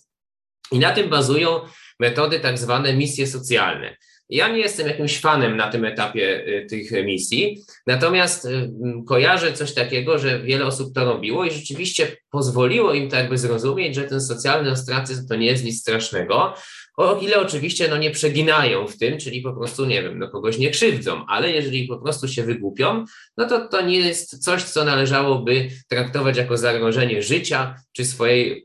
swojego poczucia wartości, to jest co najwyżej zagrożenie dla ego. No ale jeżeli y, ta konfrontacja jest jedynym elementem naszego procesu, a jeszcze do tego ktoś jest panicznie w to uwikłany, czyli na przykład ma jakieś cechy unikające i bardzo, bardzo się boi tych osądów, no to jak zacznie robić y, jakieś rzeczy socjalnie eksponowane i tylko ludzie zaczną zwracać na niego uwagę, nawet niekoniecznie coś, cokolwiek powiedzą, to on już się może zablokować, straumatyzować, bo ma jakby problem z cechami właśnie unikającymi, czyli z tym, że ma bardzo dużo zablokowanych jakichś emocji, wstydu, bardzo często też poczucia winy, jakiejś złości niewyrażonej w sobie, którą skierował jako mechanizm obronny na siebie. Inna rzecz ciekawa, kiedyś tam pewnie o tym pogadamy, ale tak to u osób unikających wygląda. No i w momencie, kiedy widzi tą uwagę, czuje ją na sobie, no to odczuwa zalew negatywnych emocji, takich bardzo nieprzyjemnych, Y, I wydaje mu się, że to już jest koniec świata, że już, że już jego życie się może za chwilę zawalić, chce po prostu uciec i schować się jak najgłębiej. No i to nie jest dobry moment na wyjście do rozwoju, to nie jest dobre y, działanie, to nie jest coś, co by taką osobę otwierało, to wręcz przeciwnie. I teraz y, kluczowe jest to, że jeżeli ktoś ciągle tkwi w tej konfrontacji, a ta strefa komfortu się wcale nie poszerza, tylko wręcz przeciwnie, jest coraz trudniej mu wychodzić z, z pewnymi z pewnymi nowymi działaniami e, i coraz trudniej pewne rzeczy je zrobić, no to wtedy oznacza to, że ta konfrontacja jest niewłaściwa, czyli to nie tego należy dokonywać, tę konfrontację wręcz należy w pewnym stopniu e, jakby przykręcić, czyli mniej jej, żeby było, a należy podkręcić akceptację, czyli bardziej pracować nad tym, w jaki sposób być z emocjami, w jaki sposób je przyjmować do siebie. E, są też różne ćwiczenia na to, ale tu kluczowe jest właśnie akceptacja, umiejętność przeżywania emocji, otwierania się na nie, stopniowo i łagodnie gdzieś tam budowana. I, I, oczywiście przekonania też wtedy tutaj mogą pomóc, czyli na przykład przekonanie w stylu, OK, oni zwrócili na mnie uwagę, ale tak naprawdę za chwilę ją odwrócą i będą robić swoje rzeczy. Albo nawet jak, y, jak się wygłupiłem, to OK, ktoś to zauważył, ale on za chwilę będzie robić swoje rzeczy, jutro już nie będzie pamiętał, on będzie w tym samym czasie myślał o sytuacjach, w których on się wygłupił i tak dalej, i tak dalej, bo tak to działa. To są jakieś przekonania, które by wspierały ten cały proces. No i wreszcie umiejętności, które by pozwoliły sobie z tym radzić, czyli na przykład jak już ktoś naprawdę jakąś gafę popełni taką, że komuś by to mogło przeszkadzać, no to żeby potrafił powiedzieć, przepraszam, y, nie spodziewałem się tego, wiem, że Państwo się tutaj zdenerwowaliście, ale to nie miałem na to wpływu i tak dalej. No na przykład mi się kojarzy taka sytuacja, że kiedyś sobie zmieniłem PIN do karty to był taki pierwszy moment chyba, w którym zrozumiałem, że moja samoocena jest na dobrym poziomie, na zdrowym takim, zaczyna być, bo pamiętam, że wbijałem ten PIN, okazało się, że ten PIN jest nieprawidłowy, no bo oczywiście zapomniałem tego nowego. No i kolejka się za mną zrobiła, pani musiała na kasie wycofywać pewne produkty, bo gotówki miałem dużo mniej. No i wtedy widziałem, że ci ludzie za mną są trochę zdenerwowani i wtedy potrafiłem zwrócić się do nich i powiedziałem, przepraszam Państwa bardzo, nie spodziewałem się tego, i coś tam powiedziałem, że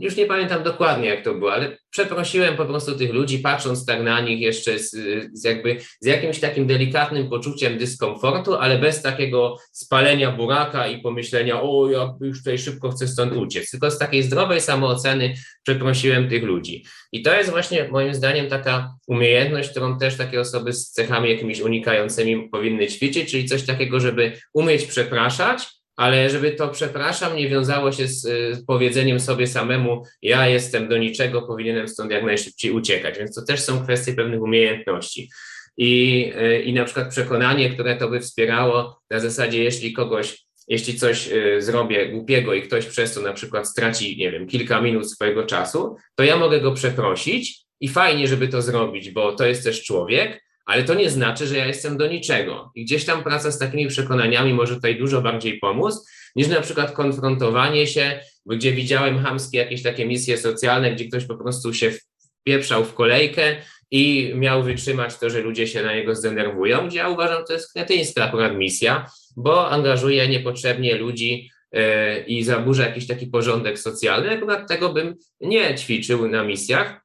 bo to już prowadzi do jakichś konfliktów. Ale rzeczy na przykład związane z tym, żeby e, czasami wyglądać na osobę, e, która zwraca uwagę na siebie, to już jest jak najbardziej często ok, bo często ludzie mają problem z całą tą uwagą. I właśnie te modele takiej nadmiernej konfrontacji często prowadzą do absurdu, w którym ktoś zaczyna e, się konfliktować ze społeczeństwem, zamiast tak naprawdę zacząć ignorować pewne rzeczy, co paradoksalnie pozwoliłoby mu często w wielu sytuacjach zachować się dużo lepiej niż do tej pory się zachowuje, bo jak zeszłyby z niego te emocje, które go zalewają w tych socjalnych sytuacjach, to wtedy czasami mógłby znaleźć w sobie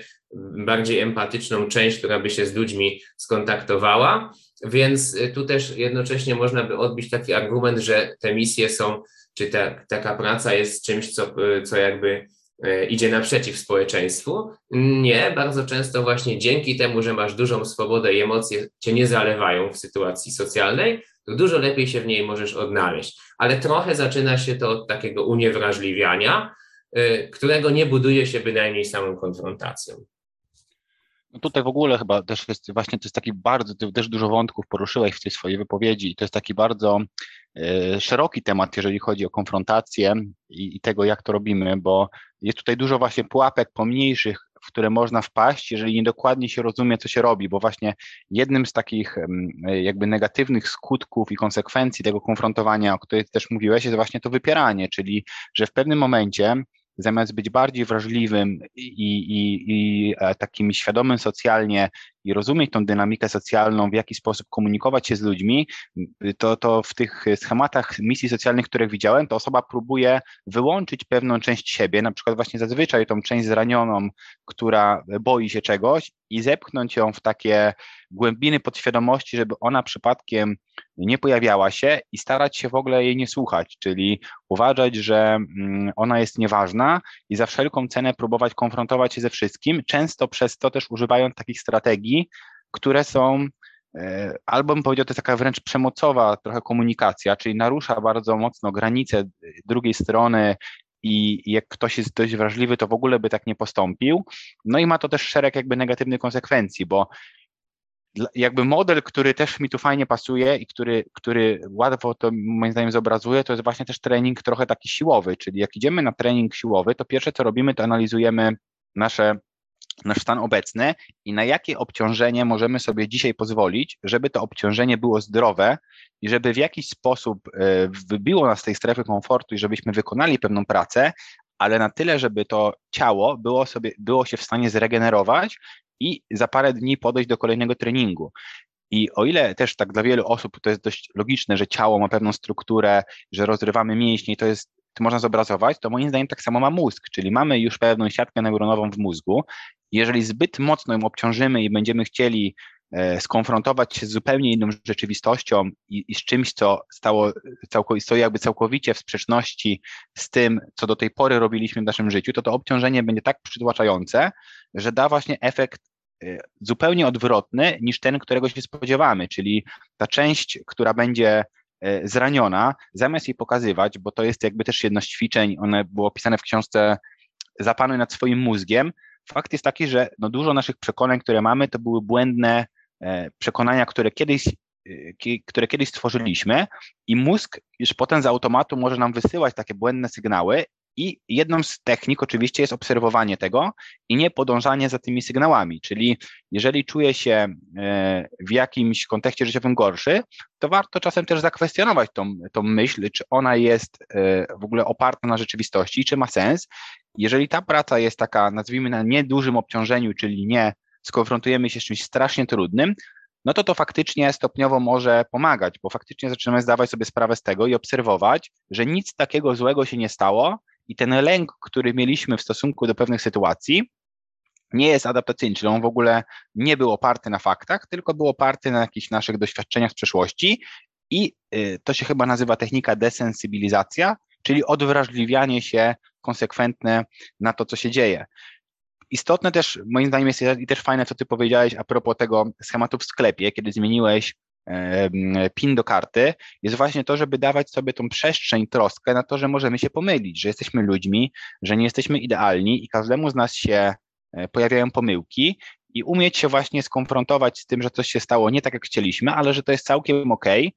i wyciągać wnioski z tego na przyszłość, bo to właśnie skrajne podejście, kiedy na siłę staramy się z czymś skonfrontować, to też zauważyłem, że tam nie ma wniosków, przez co stajemy się tacy trochę ślepi socjalnie, czyli potem osoba na przykład jest zdziwiona, że ma wokół siebie tylko osoby uległe, które strasznie sobie podporządkowała, działając skrajnie z tej pozycji siły, albo całkowicie ludzie się e, jakby nie chcą się z nią spotykać, no bo nie powiedzą jej tego wprost, ale uważają te zachowania za toksyczne, a jej toksyczność właśnie wynika z tego, że na siłę chce zepchnąć tą wrażliwą część e, gdzieś tam wewnątrz, bo przyjęła jakiś model, jaka ma być. Czyli, że na przykład prawdziwy mężczyzna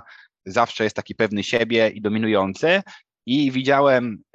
w Polsce aż tak tego dużo nie widziałem, ale jak byłem chwilę za granicą na jakichś szkoleniach właśnie różnego rodzaju, które uczyły, uczyły takich socjalnych zachowań, to była spora rzesza osób, które w ten sposób myślały, czyli chciały przyjąć sobie schemat, że są 100% dominujące i to było e, moim zdaniem po prostu bardzo, bardzo toksyczne i, i nie jest to podejście, więc no ten schemat myślę konfrontacji jest na tle tak głęboki, że też byśmy mogli cały odcinek prawie o nim rozmawiać, e, bo jest to bardzo zależne, czyli właśnie zgadzam się z tym, że w niektórych sytuacjach taka zdrowa, lekka konfrontacja, tak jak właśnie trening na siłowni, czyli zwiększanie lekkie obciążenia i robienie tego w zdrowy sposób jest jak najbardziej potrzebne, bo bez tego nie będzie progresu i postępu. Natomiast jakbyśmy poszli na pierwszy trening, chcieli nagle wycisnąć 200 kilo, no to mogłoby się to skończyć tym, żebyśmy sobie połamali pewne kości, a w najgorszym wypadku śmiercią, bo ten ciężar by nas po prostu przygniótł i, i było, jakby konsekwencje byłyby bardzo, bardzo negatywne i nie bylibyśmy w stanie e, w żaden sposób ćwiczyć przez kolejny rok albo pół roku, bo mielibyśmy jakąś, jakąś kontuzję. Więc myślę, że w tym rozwoju takim e, mózgu i umiejętności umysłu, umiejętności miękkich jest, jest, jest bardzo podobnie. Tak, przypomniała mi się ta sytuacja z tej kolejki już tak dokładnie. I pamiętam, że to tak wyglądało, że ja po prostu y, zwróciłem się do tych ludzi, tak patrząc y, na nich po prostu i tylko powiedziałem to jedno zdanie. Przepraszam Państwa bardzo. I tylko tyle. A, I to mniej więcej takim tonem jak w tej chwili. I pamiętam, że chyba na pewno jedna osoba, jak nie dwie, a naprawdę to dobre 5 minut trwało to wycofywanie tych produktów. Powiedziały coś tam w stylu nic się nie stało, nie szkodzi, czy coś takiego. I teraz jakby chodzi mi, nie chodzi mi o to, żeby tu twierdzić, że to było jakieś super alfa zachowanie i tak dalej, chociaż uważam, że to było po prostu zachowanie zdrowe i sam z niego byłem zadowolony. Jak przyszedłem do domu, to dopiero po jakimś czasie tak się złapałem na tym, wypakowałem już te zakupy, zmieniłem potem ten PIN, coś tam jeszcze, no i tak potem mówię, kurczę, ale się fajnie zachowałem. I właśnie dlaczego uważam, że to było fajne? Dlatego, że e, to, co bym wcześniej jako e, osoba zraniona zrobił, to by było spuszczenie głowy i nie byłbym w stanie z siebie wydusić nawet tego przepraszam. Natomiast jakbym kompensował i myślał sobie, no ja jestem alfa pan, przecież mam prawo do tego, no każdemu się może zdarzyć, no to bym sobie pomyślał, a mam w dupie tych ludzi, niech se stoją ich problem. Jak chcą, to niech sobie robią zakupy w innym czasie, jak jest mniej ludzi. I, I nic bym nie powiedział i bym się zachował jak burak. A właśnie mm, takie podejście jest zdrowe, ale tylko i wyłącznie ta zdrowa samoocena na to pozwala. No bo jedno i drugie, czy to nadmiernie uległe, czy to dominujące, gdzie totalnie nic nie robię i nie przepraszam, bo uważam, że przecież po co, no to są oba zachowania płynące z niskiego poczucia wartości, tylko że pierwsze płynie z uległości, a drugie z kompensacji. Natomiast jeśli chodzi o misje socjalne, to ja uważam, że jak zrobić, żeby one były zdrowe, ja tak naprawdę już dzisiaj w ogóle nie mam tego problemu, bo jak ja gdzieś chcę wyjść i jest na przykład fajne miasto, w którym y, jeszcze nie byłem, na przykład jest fajna pogoda i jest coś fajnego do pokazania, to ja zazwyczaj tam nagrywam filmik. Tak już robiłem w Sandomierzu, w Zawierciu, w wielu innych miastach. I generalnie, jak ja nagrywałem ten, te filmiki, to ludzie chodzili i patrzyli y, na mnie, i to już była misja socjalna, tak naprawdę w pewnym sensie, bo ja byłem eksponowany socjalnie, część ludzi słuchało, co ja mówię gdzieś tam z boku, niby udając, że coś robią, część ludzi tylko patrzyło, część ludzi rozmawiało, czasem się ktoś zatrzymał, bo mi nie chciał wchodzić w kadrę i tak dalej, i tak dalej. I ja widziałem, że ja jestem eksponowany socjalnie i to dosyć mocno, bo ludzie też mogli sobie tam w głowie oceniać to, co ja mówię, a nagrywałem vloga tam na temat rozwoju. I teraz mm, to było ekologiczne, czyli zdrowe, dlatego że ja robiłem coś dobrego i dla nich nie robiłem nic złego. Natomiast jak są misje na przykład na zasadzie takiej, że masz chodzić po mieście i krzyczeć, co ty się nauczyłeś z jakiegoś tam produktu, no to według mnie to nie jest zdrowe, no bo krzyczysz, angażujesz w to ludzi, oni nie wiedzą, czy ci się coś dzieje, czy należy tobie pomóc w związku z tym, po co ty to robisz, zwłaszcza jeszcze w sytuacjach takich jak dzisiejsze, czyli gdzie mamy pandemię, gdzie mamy różne protesty dotyczące na przykład migrantów, no to tak naprawdę od razu wpada to w pewne skojarzenia i trochę zakłóca spokój ludzi, więc, więc ja bym takiej misji na przykład nie robił, a już na pewno nie twierdził, że to jest coś, co jest mi potrzebne po to, żebym ja zbudował autentyczność. Natomiast y, te misje można robić na wiele sposobów i wydaje mi się, że chociażby takie vlogowanie jest jednym z, z nich, który jest ekologiczny. No ale żeby już wyjść od tego tematu w ogóle tej konfrontacji, no to też ja bym jeszcze dodał taką kwestię, że wiele osób y, dlatego ma problem z tym, że ten rozwój nie jest liniowy, bo to też o tym mówimy cały czas, tak, że rozwój jest nieliniowy, czyli tu konfrontacji wymaga, tutaj trochę umiejętności, tutaj przekonań, tu jeszcze innych rzeczy. I dlatego wiele osób y, polega na tym, w sensie polegnie, czyli y, nie uda im się, no bo nie mają tego rozwoju potraktowanego tak na serio, czyli podchodzą do tego na zasadzie trochę tak, jakby ten rozwój był czymś w ich życiu, ale niczym priorytetowym. No i jeżeli się na coś ma priorytet i się okazuje, że to coś nie wygląda tak, jak myśleliśmy, no to zmieniamy podejście. Ale jeżeli na coś nie ma priorytetu i to coś nie wygląda tak, jak myśleliśmy, no to zmieniamy to coś. I teraz to jest taki problem właśnie, że jak ludzie podchodzą do rozwoju i mają jakiś w tym rozwoju cel i ten cel nie wychodzi, no to powinni zmienić sposób działania, a zmieniają często ten cel. I teraz, y, jeżeli nie ma na to priorytetu, no to wtedy to wtedy mamy od razu dużą łatwość w zmienianiu różnych celi i, i porzucania tego rozwoju, bo nie traktujemy go na serio. A czemu tak się dzieje? No według mnie tak się dzieje z dwóch powodów. Czyli po pierwsze dlatego, że mamy błędne przekonanie o tym, jak on wygląda i że,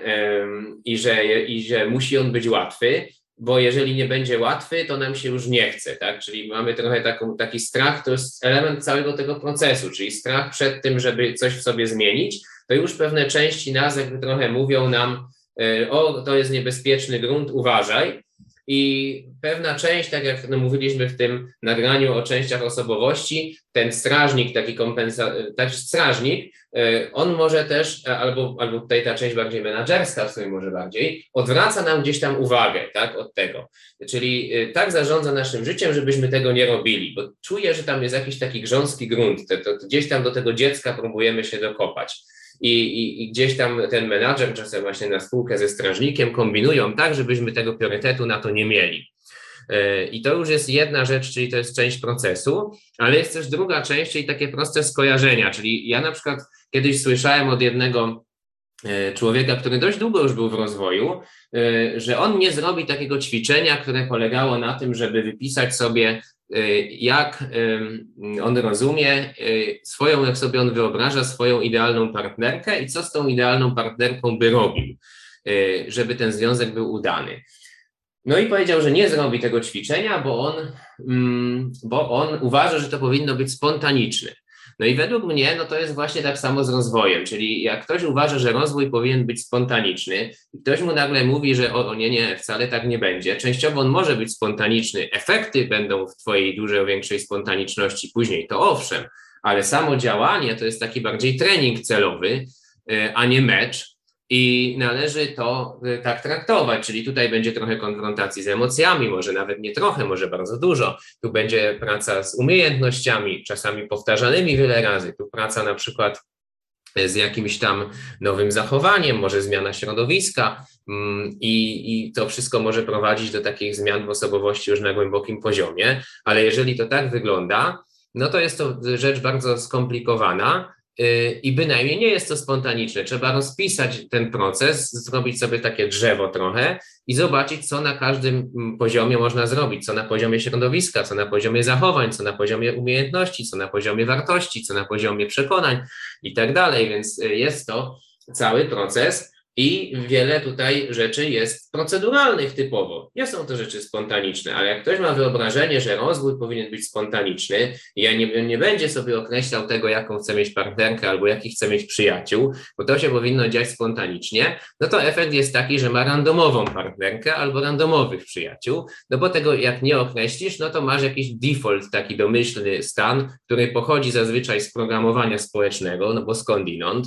więc jak sam tego samodzielnie nie ustalisz, no to nie nakierujesz swojego umysłu w taki sposób, żeby on cię prowadził do osiągnięcia tych celów. No i w związku z tym, jak ktoś twierdzi, że powinno to być spontaniczne, to raczej to, co dostaje na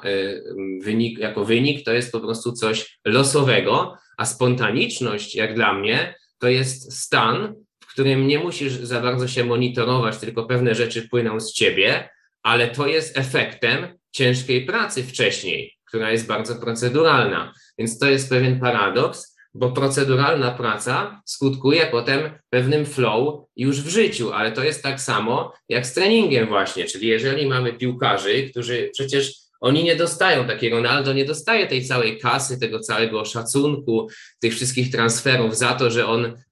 biega między pachołkami, tylko za to, że strzela bramki na prawdziwych meczach. Ale żeby to móc robić na takim poziomie, na jakim to robi, to musiał ileś czasu biegać między pachołkami. I nie, i, I nie miał z tym nigdy problemu, że twierdził, o, taki trening ja bym sobie pograł. No i tak samo jest z rozwojem. Jak ktoś chce grać na poziomie, no nie mówię już Ronaldo, ale jakimś takim światowym, czy jakimś światowym, ale powiedzmy na dobrym poziomie y, w rozwój, w cudzysłowie, no to musi też i dobrze trenować. Czyli jak chce mieć dobre efekty z tego rozwoju, bo to o to chodzi, to musi trenować i nie ma rodzić, że to jest niespontaniczne, bo tak wygląda trening w każdym sporcie i, i ja bym to tak po prostu tutaj porównał spontaniczność i autentyczność właśnie to są dla mnie tak duże koncepty, właśnie nawet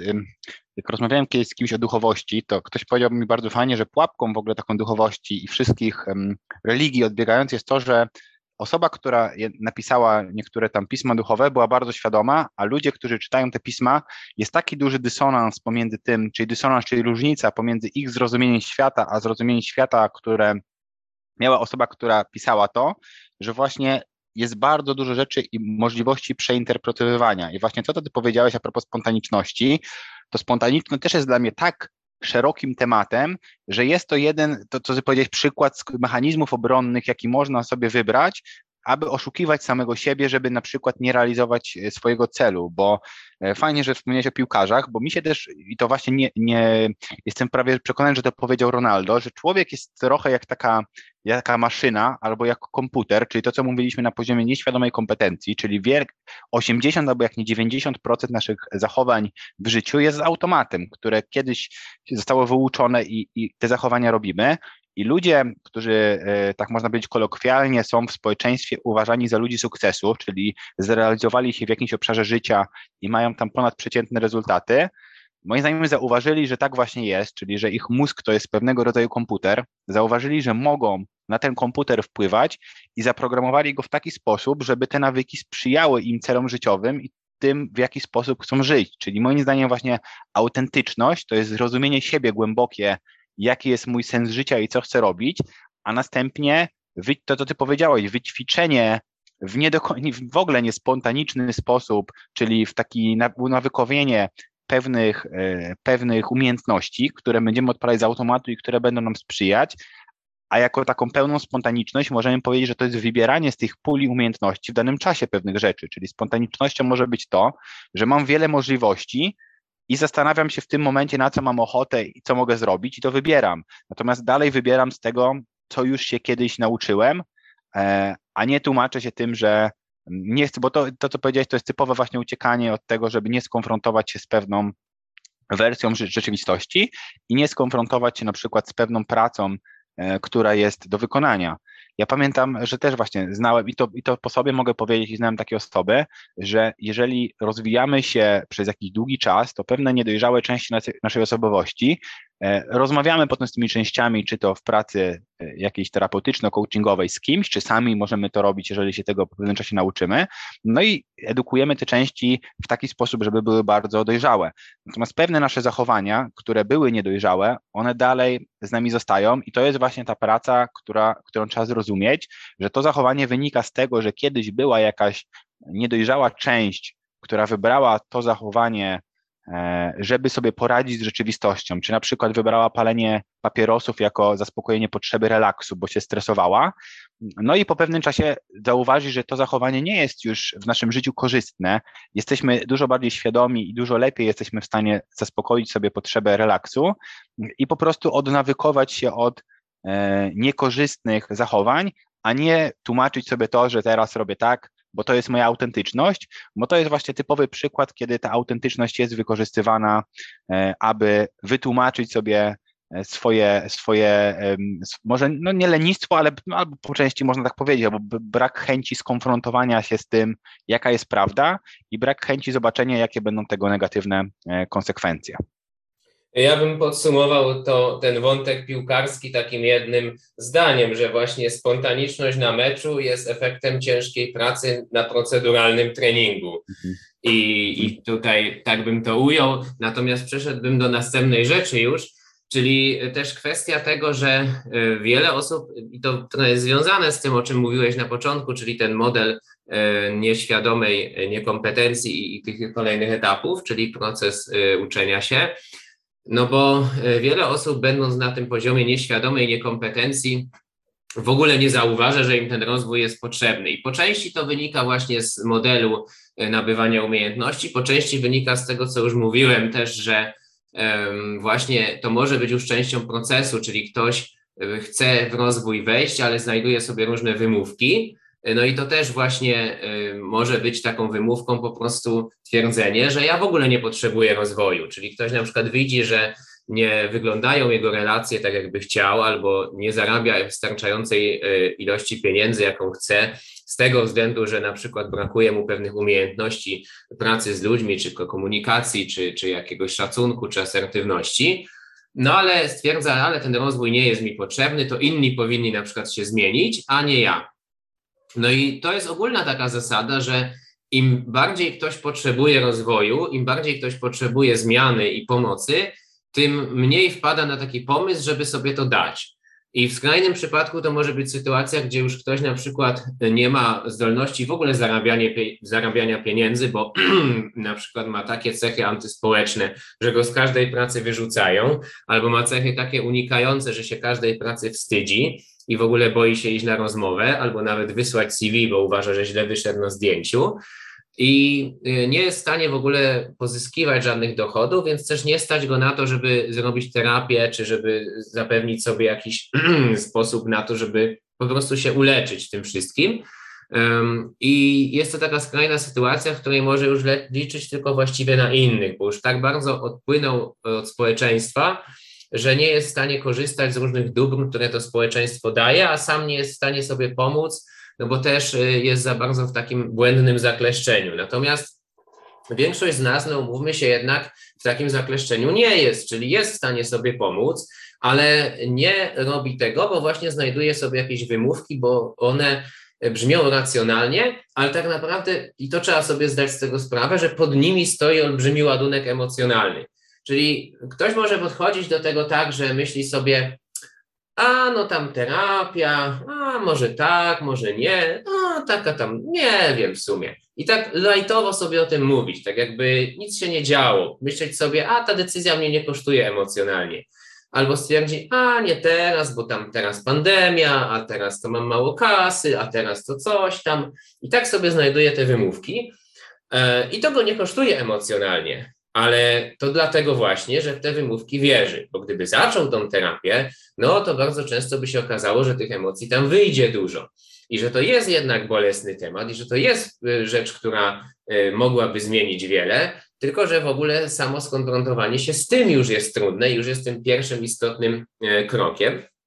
No i właśnie problem polega na tym, że jakby powiedzieć, czym jest terapia i czym jest tak naprawdę to uzdrowienie na takim ogólnym poziomie, no to według mnie jest tym, że uzdrawia się w pewnym stopniu nieprzeżyte emocje i dzięki temu puszczają mechanizmy obronne, które skrzywiają naszą percepcję i powodują, że żyjemy w pewnej bańce e, historii, takiej bańce e, narracyjnej, w której to e, nie mamy dobrych przekonań, które, nam, które nas wspierają w kontaktach z ludźmi. No i rozwiązaniem tego byłoby właśnie przeżycie tych emocji i e, e, modyfikacja później na nowo tych przekonań. I tak by to wyglądało. Natomiast jeżeli mamy bardzo skrzywioną mapę, bo już bardzo dużo emocji w nas rezydu, rezyduje,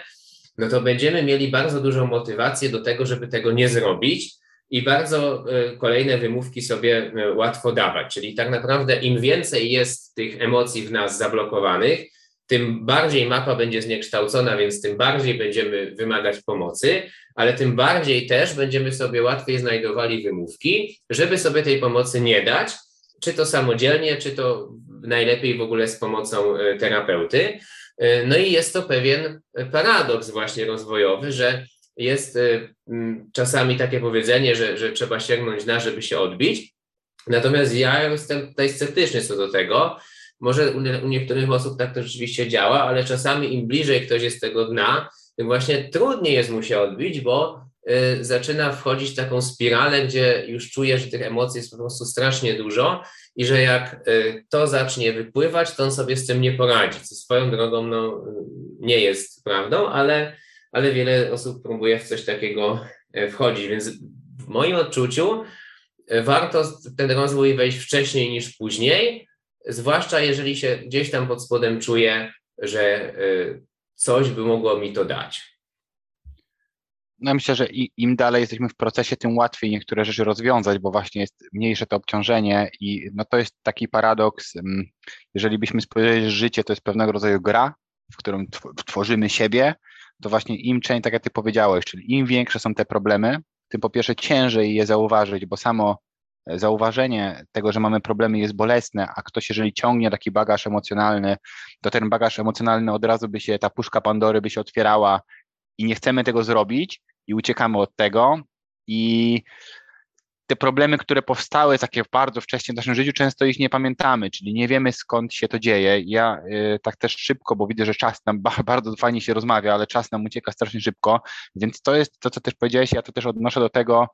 gdzie ja byłem na początku swojego rozwoju i uważam, że takim krokiem milowym, takim naprawdę wielkim przeskokiem, który już jest zmianą dużą paradygmatu, która otwiera w ogóle na rozwój, to jest schemat związany z dystrybucją odpowiedzialności, czyli przejście z, takiej, z takiego postrzegania siebie jako trochę taką ofiarę okoliczności, czyli że ta sytuacja życiowa, która jest obecnie, to jest wynikiem oddziaływania na nas innych i sytuacji, która jest wokół nas i nic nie możemy, bo to automatycznie zabiera nam od strony minusa, czyli byśmy powiedzieli, jakie są wady takiego myślenia. Od strony min minusa oczywiście zabiera to nam całkowicie sprawczość, no bo jeżeli e, uważamy, że to, gdzie jesteśmy obecnie w życiu, to co robimy w naszym życiu jest spowodowane tym, E, jak oddziałuje na nas świat, jak oddziałują na nas inni, no to nic nie możemy z tym robić. Czyli jak, jak wierzymy w to, że nic nie możemy z tym robić, to automatycznie nie ma tam żadnej inicjatywy, żeby podjąć jakiekolwiek działanie. Oczywiście od strony plusa daje to ten, taką nazwijmy to, balans, może nie balans, to jest złe słowo, ale daje to ten komfort emocjonalny, czyli daje to to, że ciągle tą puszkę Pandory i ten bagaż emocjonalny, który ciągniemy, on jest zamknięty i nie, nie otwieramy go w ten sposób, bo jakbyśmy chcieli skonfrontować się, że jednak ta sytuacja życiowa, w której jesteśmy, jest spowodowana tym, że podejmowaliśmy takie, a nie inne decyzje, czyli odpowiedzialność zaczęłaby przychodzić e, z innych osób i z sytuacji, która mnie otacza na mnie, czyli że to ja podejmowałem te decyzje, no to automatycznie otwierałoby to ten bagaż emocjonalny i konieczność skonfrontowania się z tym, że zgadzam się, sam tak przychodziłem, że wiele decyzji, szczególnie w tym pierwszym etapie swojego życia, podejmowałem nieświadomie i pod wpływem działania pewnych osób. Natomiast e, świadomość tego, że mimo wszystko to ja podejmowałem te, takie decyzje i brakowało mi czy to zasobu, czy to umiejętności, żeby wyznaczyć granice, żeby tego nie podjąć, no to nie usprawiedliwia mi od tego, że, że takie decyzje podejmowałem i im szybciej się z tym skonfrontuję, że tak jest, tym ten rozwój e, tym ten rozwój jeszcze bardziej przyspieszy, więc e, no, uważam, że jeżeli ktoś ma naprawdę jest już mocno na schemacie ja, że wie, że to jest jego odpowiedzialność, to oczywiście też skrajności, które widziałem, to, że ktoś chce być w 100% na ja i to prowadzi do tego, że nie umie budować żadnego zespołu, nie chce nic delegować e, i wręcz to są takie osoby narcystyczne, które uważają, że są najlepsze we wszystkim i, i że, że wszystko one robią najlepiej. Natomiast od strony plusa oczywiście daje nam dużą sprawczość i możliwość wywierania wpływu e, na rzeczywistość. I to jest ten przeskok, który ja widzę, że jest no, trudny do wykonania i często właśnie osoby, jeżeli zbyt bardzo ten bagaż emocjonalny jest duży, czyli są zbyt bardzo na tym, że, że są skutkiem tego, jak działała rzeczywistość, no to potrzebujemy jednak takiej pracy indywidualnej, bo wydaje mi się, że, że na samym początku właśnie ciężko jest się samodzielnie e, skonfrontować z tymi emocjami. Jakby jako powód mogę podać raz, że nie wiemy zbytnio, nie mamy doświadczenia, co z tym robić i w jaki sposób e, być dla ciebie życzliwym, w jaki sposób się życzliwie i troskliwie ze sobą komunikować, jak z tym dobrze pracować, żeby nie zranić ciebie jeszcze bardziej, tylko żeby ten proces poszedł do przodu.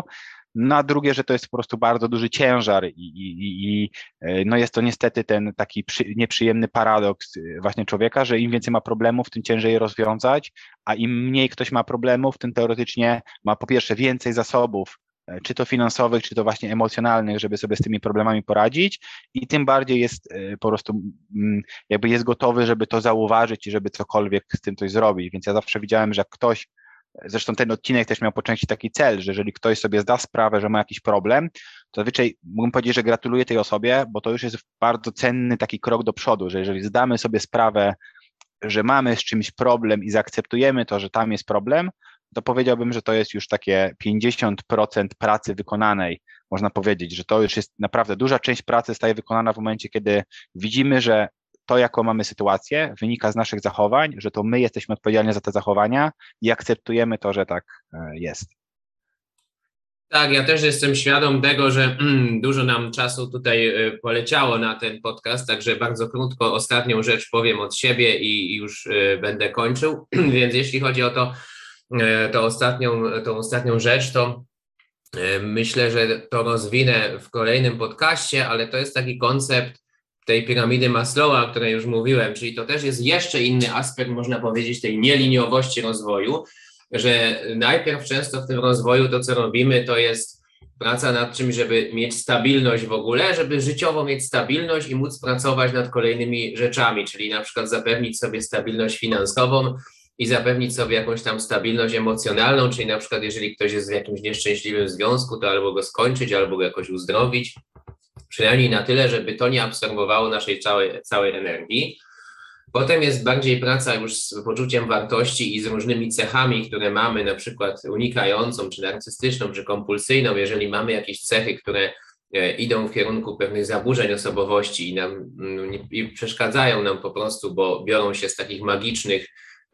poziomów rozumienia świata, czyli takich, gdzie sami siebie stawiamy jako, jako centrum, no to warto to przepracować i w tym jest między innymi też poczucie wartości bardzo mocno zawarte. No i z kolei jak to się przepracuje, no to jest kwestia misji życiowej według mnie i optymalizacji swojego e, środowiska, w którym się jest, a później jeszcze dalej za tym, czy też równolegle z tym, jeszcze są kwestie duchowe i egzystencjalne. Jak dla mnie ten rozwój tak wyglądał, i, I, gdzieś tam ja jestem na etapie właśnie tej misji życiowej i, e, i tych e, dużo już konfrontacji mam z rzeczami egzystencjalnymi i one mi poszerzają perspektywę i o tym będę mocniej opowiadał więcej w kolejnym podcaście, ale też czasami jest to konieczne, żeby wrócić trochę do podstaw i to też jest e, pułapka już osób bardziej zaawansowanych. Ja w nią parę razy wpadłem, że wydawało mi się, ok, ja już tutaj pracuję nad misją, ja już pracuję duchowo, no to ja teraz nie będę tam wracał do podstaw. A to jest często błąd, to jest też często pułapka ego właśnie, bo sobie myślałem, o ja już jestem tutaj gotowy produkt, w tych obszarach przynajmniej, no to już nie będę wracał do podstaw, bo niech się tym zajmują początkujący. I to była kolejna właśnie taka pułapka, więc też warto mieć na uwadze, że w różnych etapach będą różne y, cele i różne priorytety, ale też nie ma co się nigdy e, wstrzymywać i wzbraniać jakoś dogmatycznie przed chwilowym powrotem do jakiegoś wcześniejszego etapu. Tak, no bo to jest też tak, jakbyśmy patrzyli na rozwój, żeby to też zakończyć, że to jest takie budowanie trochę warstwami i faktycznie no rozwój, jak się do niego wejdzie na początku, to daje bardzo dużo narzędzi i możemy go zacząć z różnej strony, Natomiast jeżeli te fundamenty nie będą przepracowane i dobrze zrobione, no to one prędzej czy później będą wychodzić i powodować pewne komplikacje.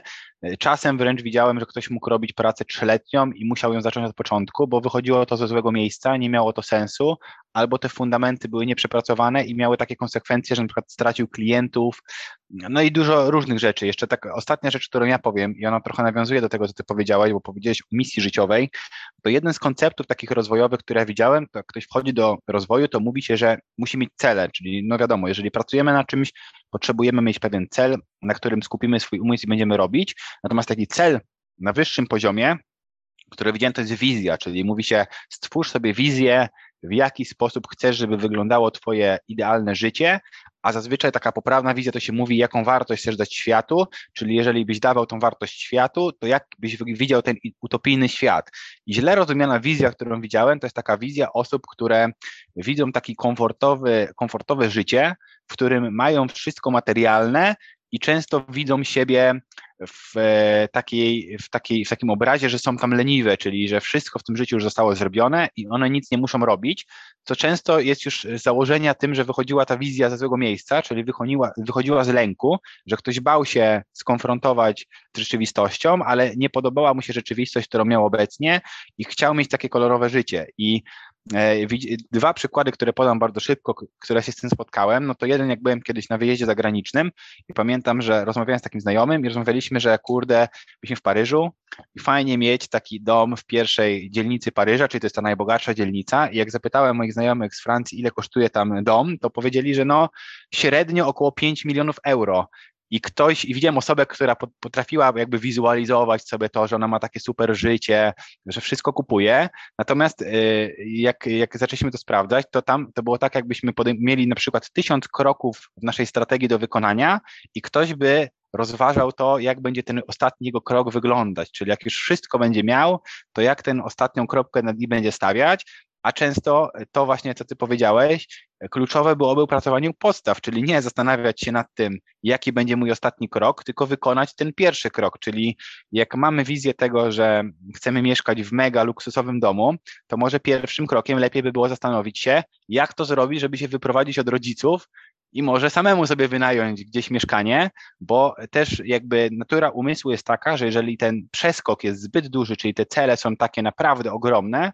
no to często one wręcz nie są motywacyjne, czyli to jest taka abstrakcja dla naszego umysłu, jest tak duży przeskok, że ktoś e, całkowicie nie będzie w stanie zmotywować się do żadnej pracy, bo jego umysł twierdzi, że to jest niewykonalne, że to jest tak dużo pracy i on tak dużo nie wie w tym temacie, a jest to też pewien mechanizm obronny, czyli fantazjowanie, czyli taka ucieczka od rzeczywistości, wyobrażanie sobie, jakby to było gdybyśmy ten cel e, zrealizowali. Więc nie chcę też tego ciągnąć już mocno, bo mówię, czas nam strasznie uciekł. Ja też e, wykorzystam to, żeby już e, się z Wami pożegnać i podziękować wszystkim, którzy dosłuchali do tego momentu, bo no myślę, że, że ten podcast naprawdę jest naładowany merytorycznie, że, że to chyba będzie jeden z naszych lepszych podcastów, które do tej pory nagraliśmy, więc mam nadzieję, że każdy z Was coś tam dla siebie wyciągnął. I tak jak poprzednio zachęcamy, żeby, jeżeli nie słuchaliście jeszcze naszych wszystkich podcastów, to żeby do nich wrócić, bo tam też jest bardzo dużo ciekawej wiedzy. I jeżeli posiadacie jakiekolwiek sugestie e, dotyczące tego, w jaki sposób można by było z naszej strony coś jeszcze poprawić, albo e, jeżeli widzicie, jak ta wartość mogłaby być dla Was jeszcze większa, co można by wdrożyć, to zachęcamy Was do tego, żeby kontaktować się z nami, pisać czy to w wiadomościach bezpośrednio do nas, czy do naszego maila e, o zmianie na spontanie małpa.gmail.com. Więc e, tyle ode mnie. Dziękuję Tobie Piotrek i dziękuję Wam wszystkim i do usłyszenia. Dzięki Paweł, poszliśmy dzisiaj na rekord, ale, ale to dobrze. Do usłyszenia, cześć.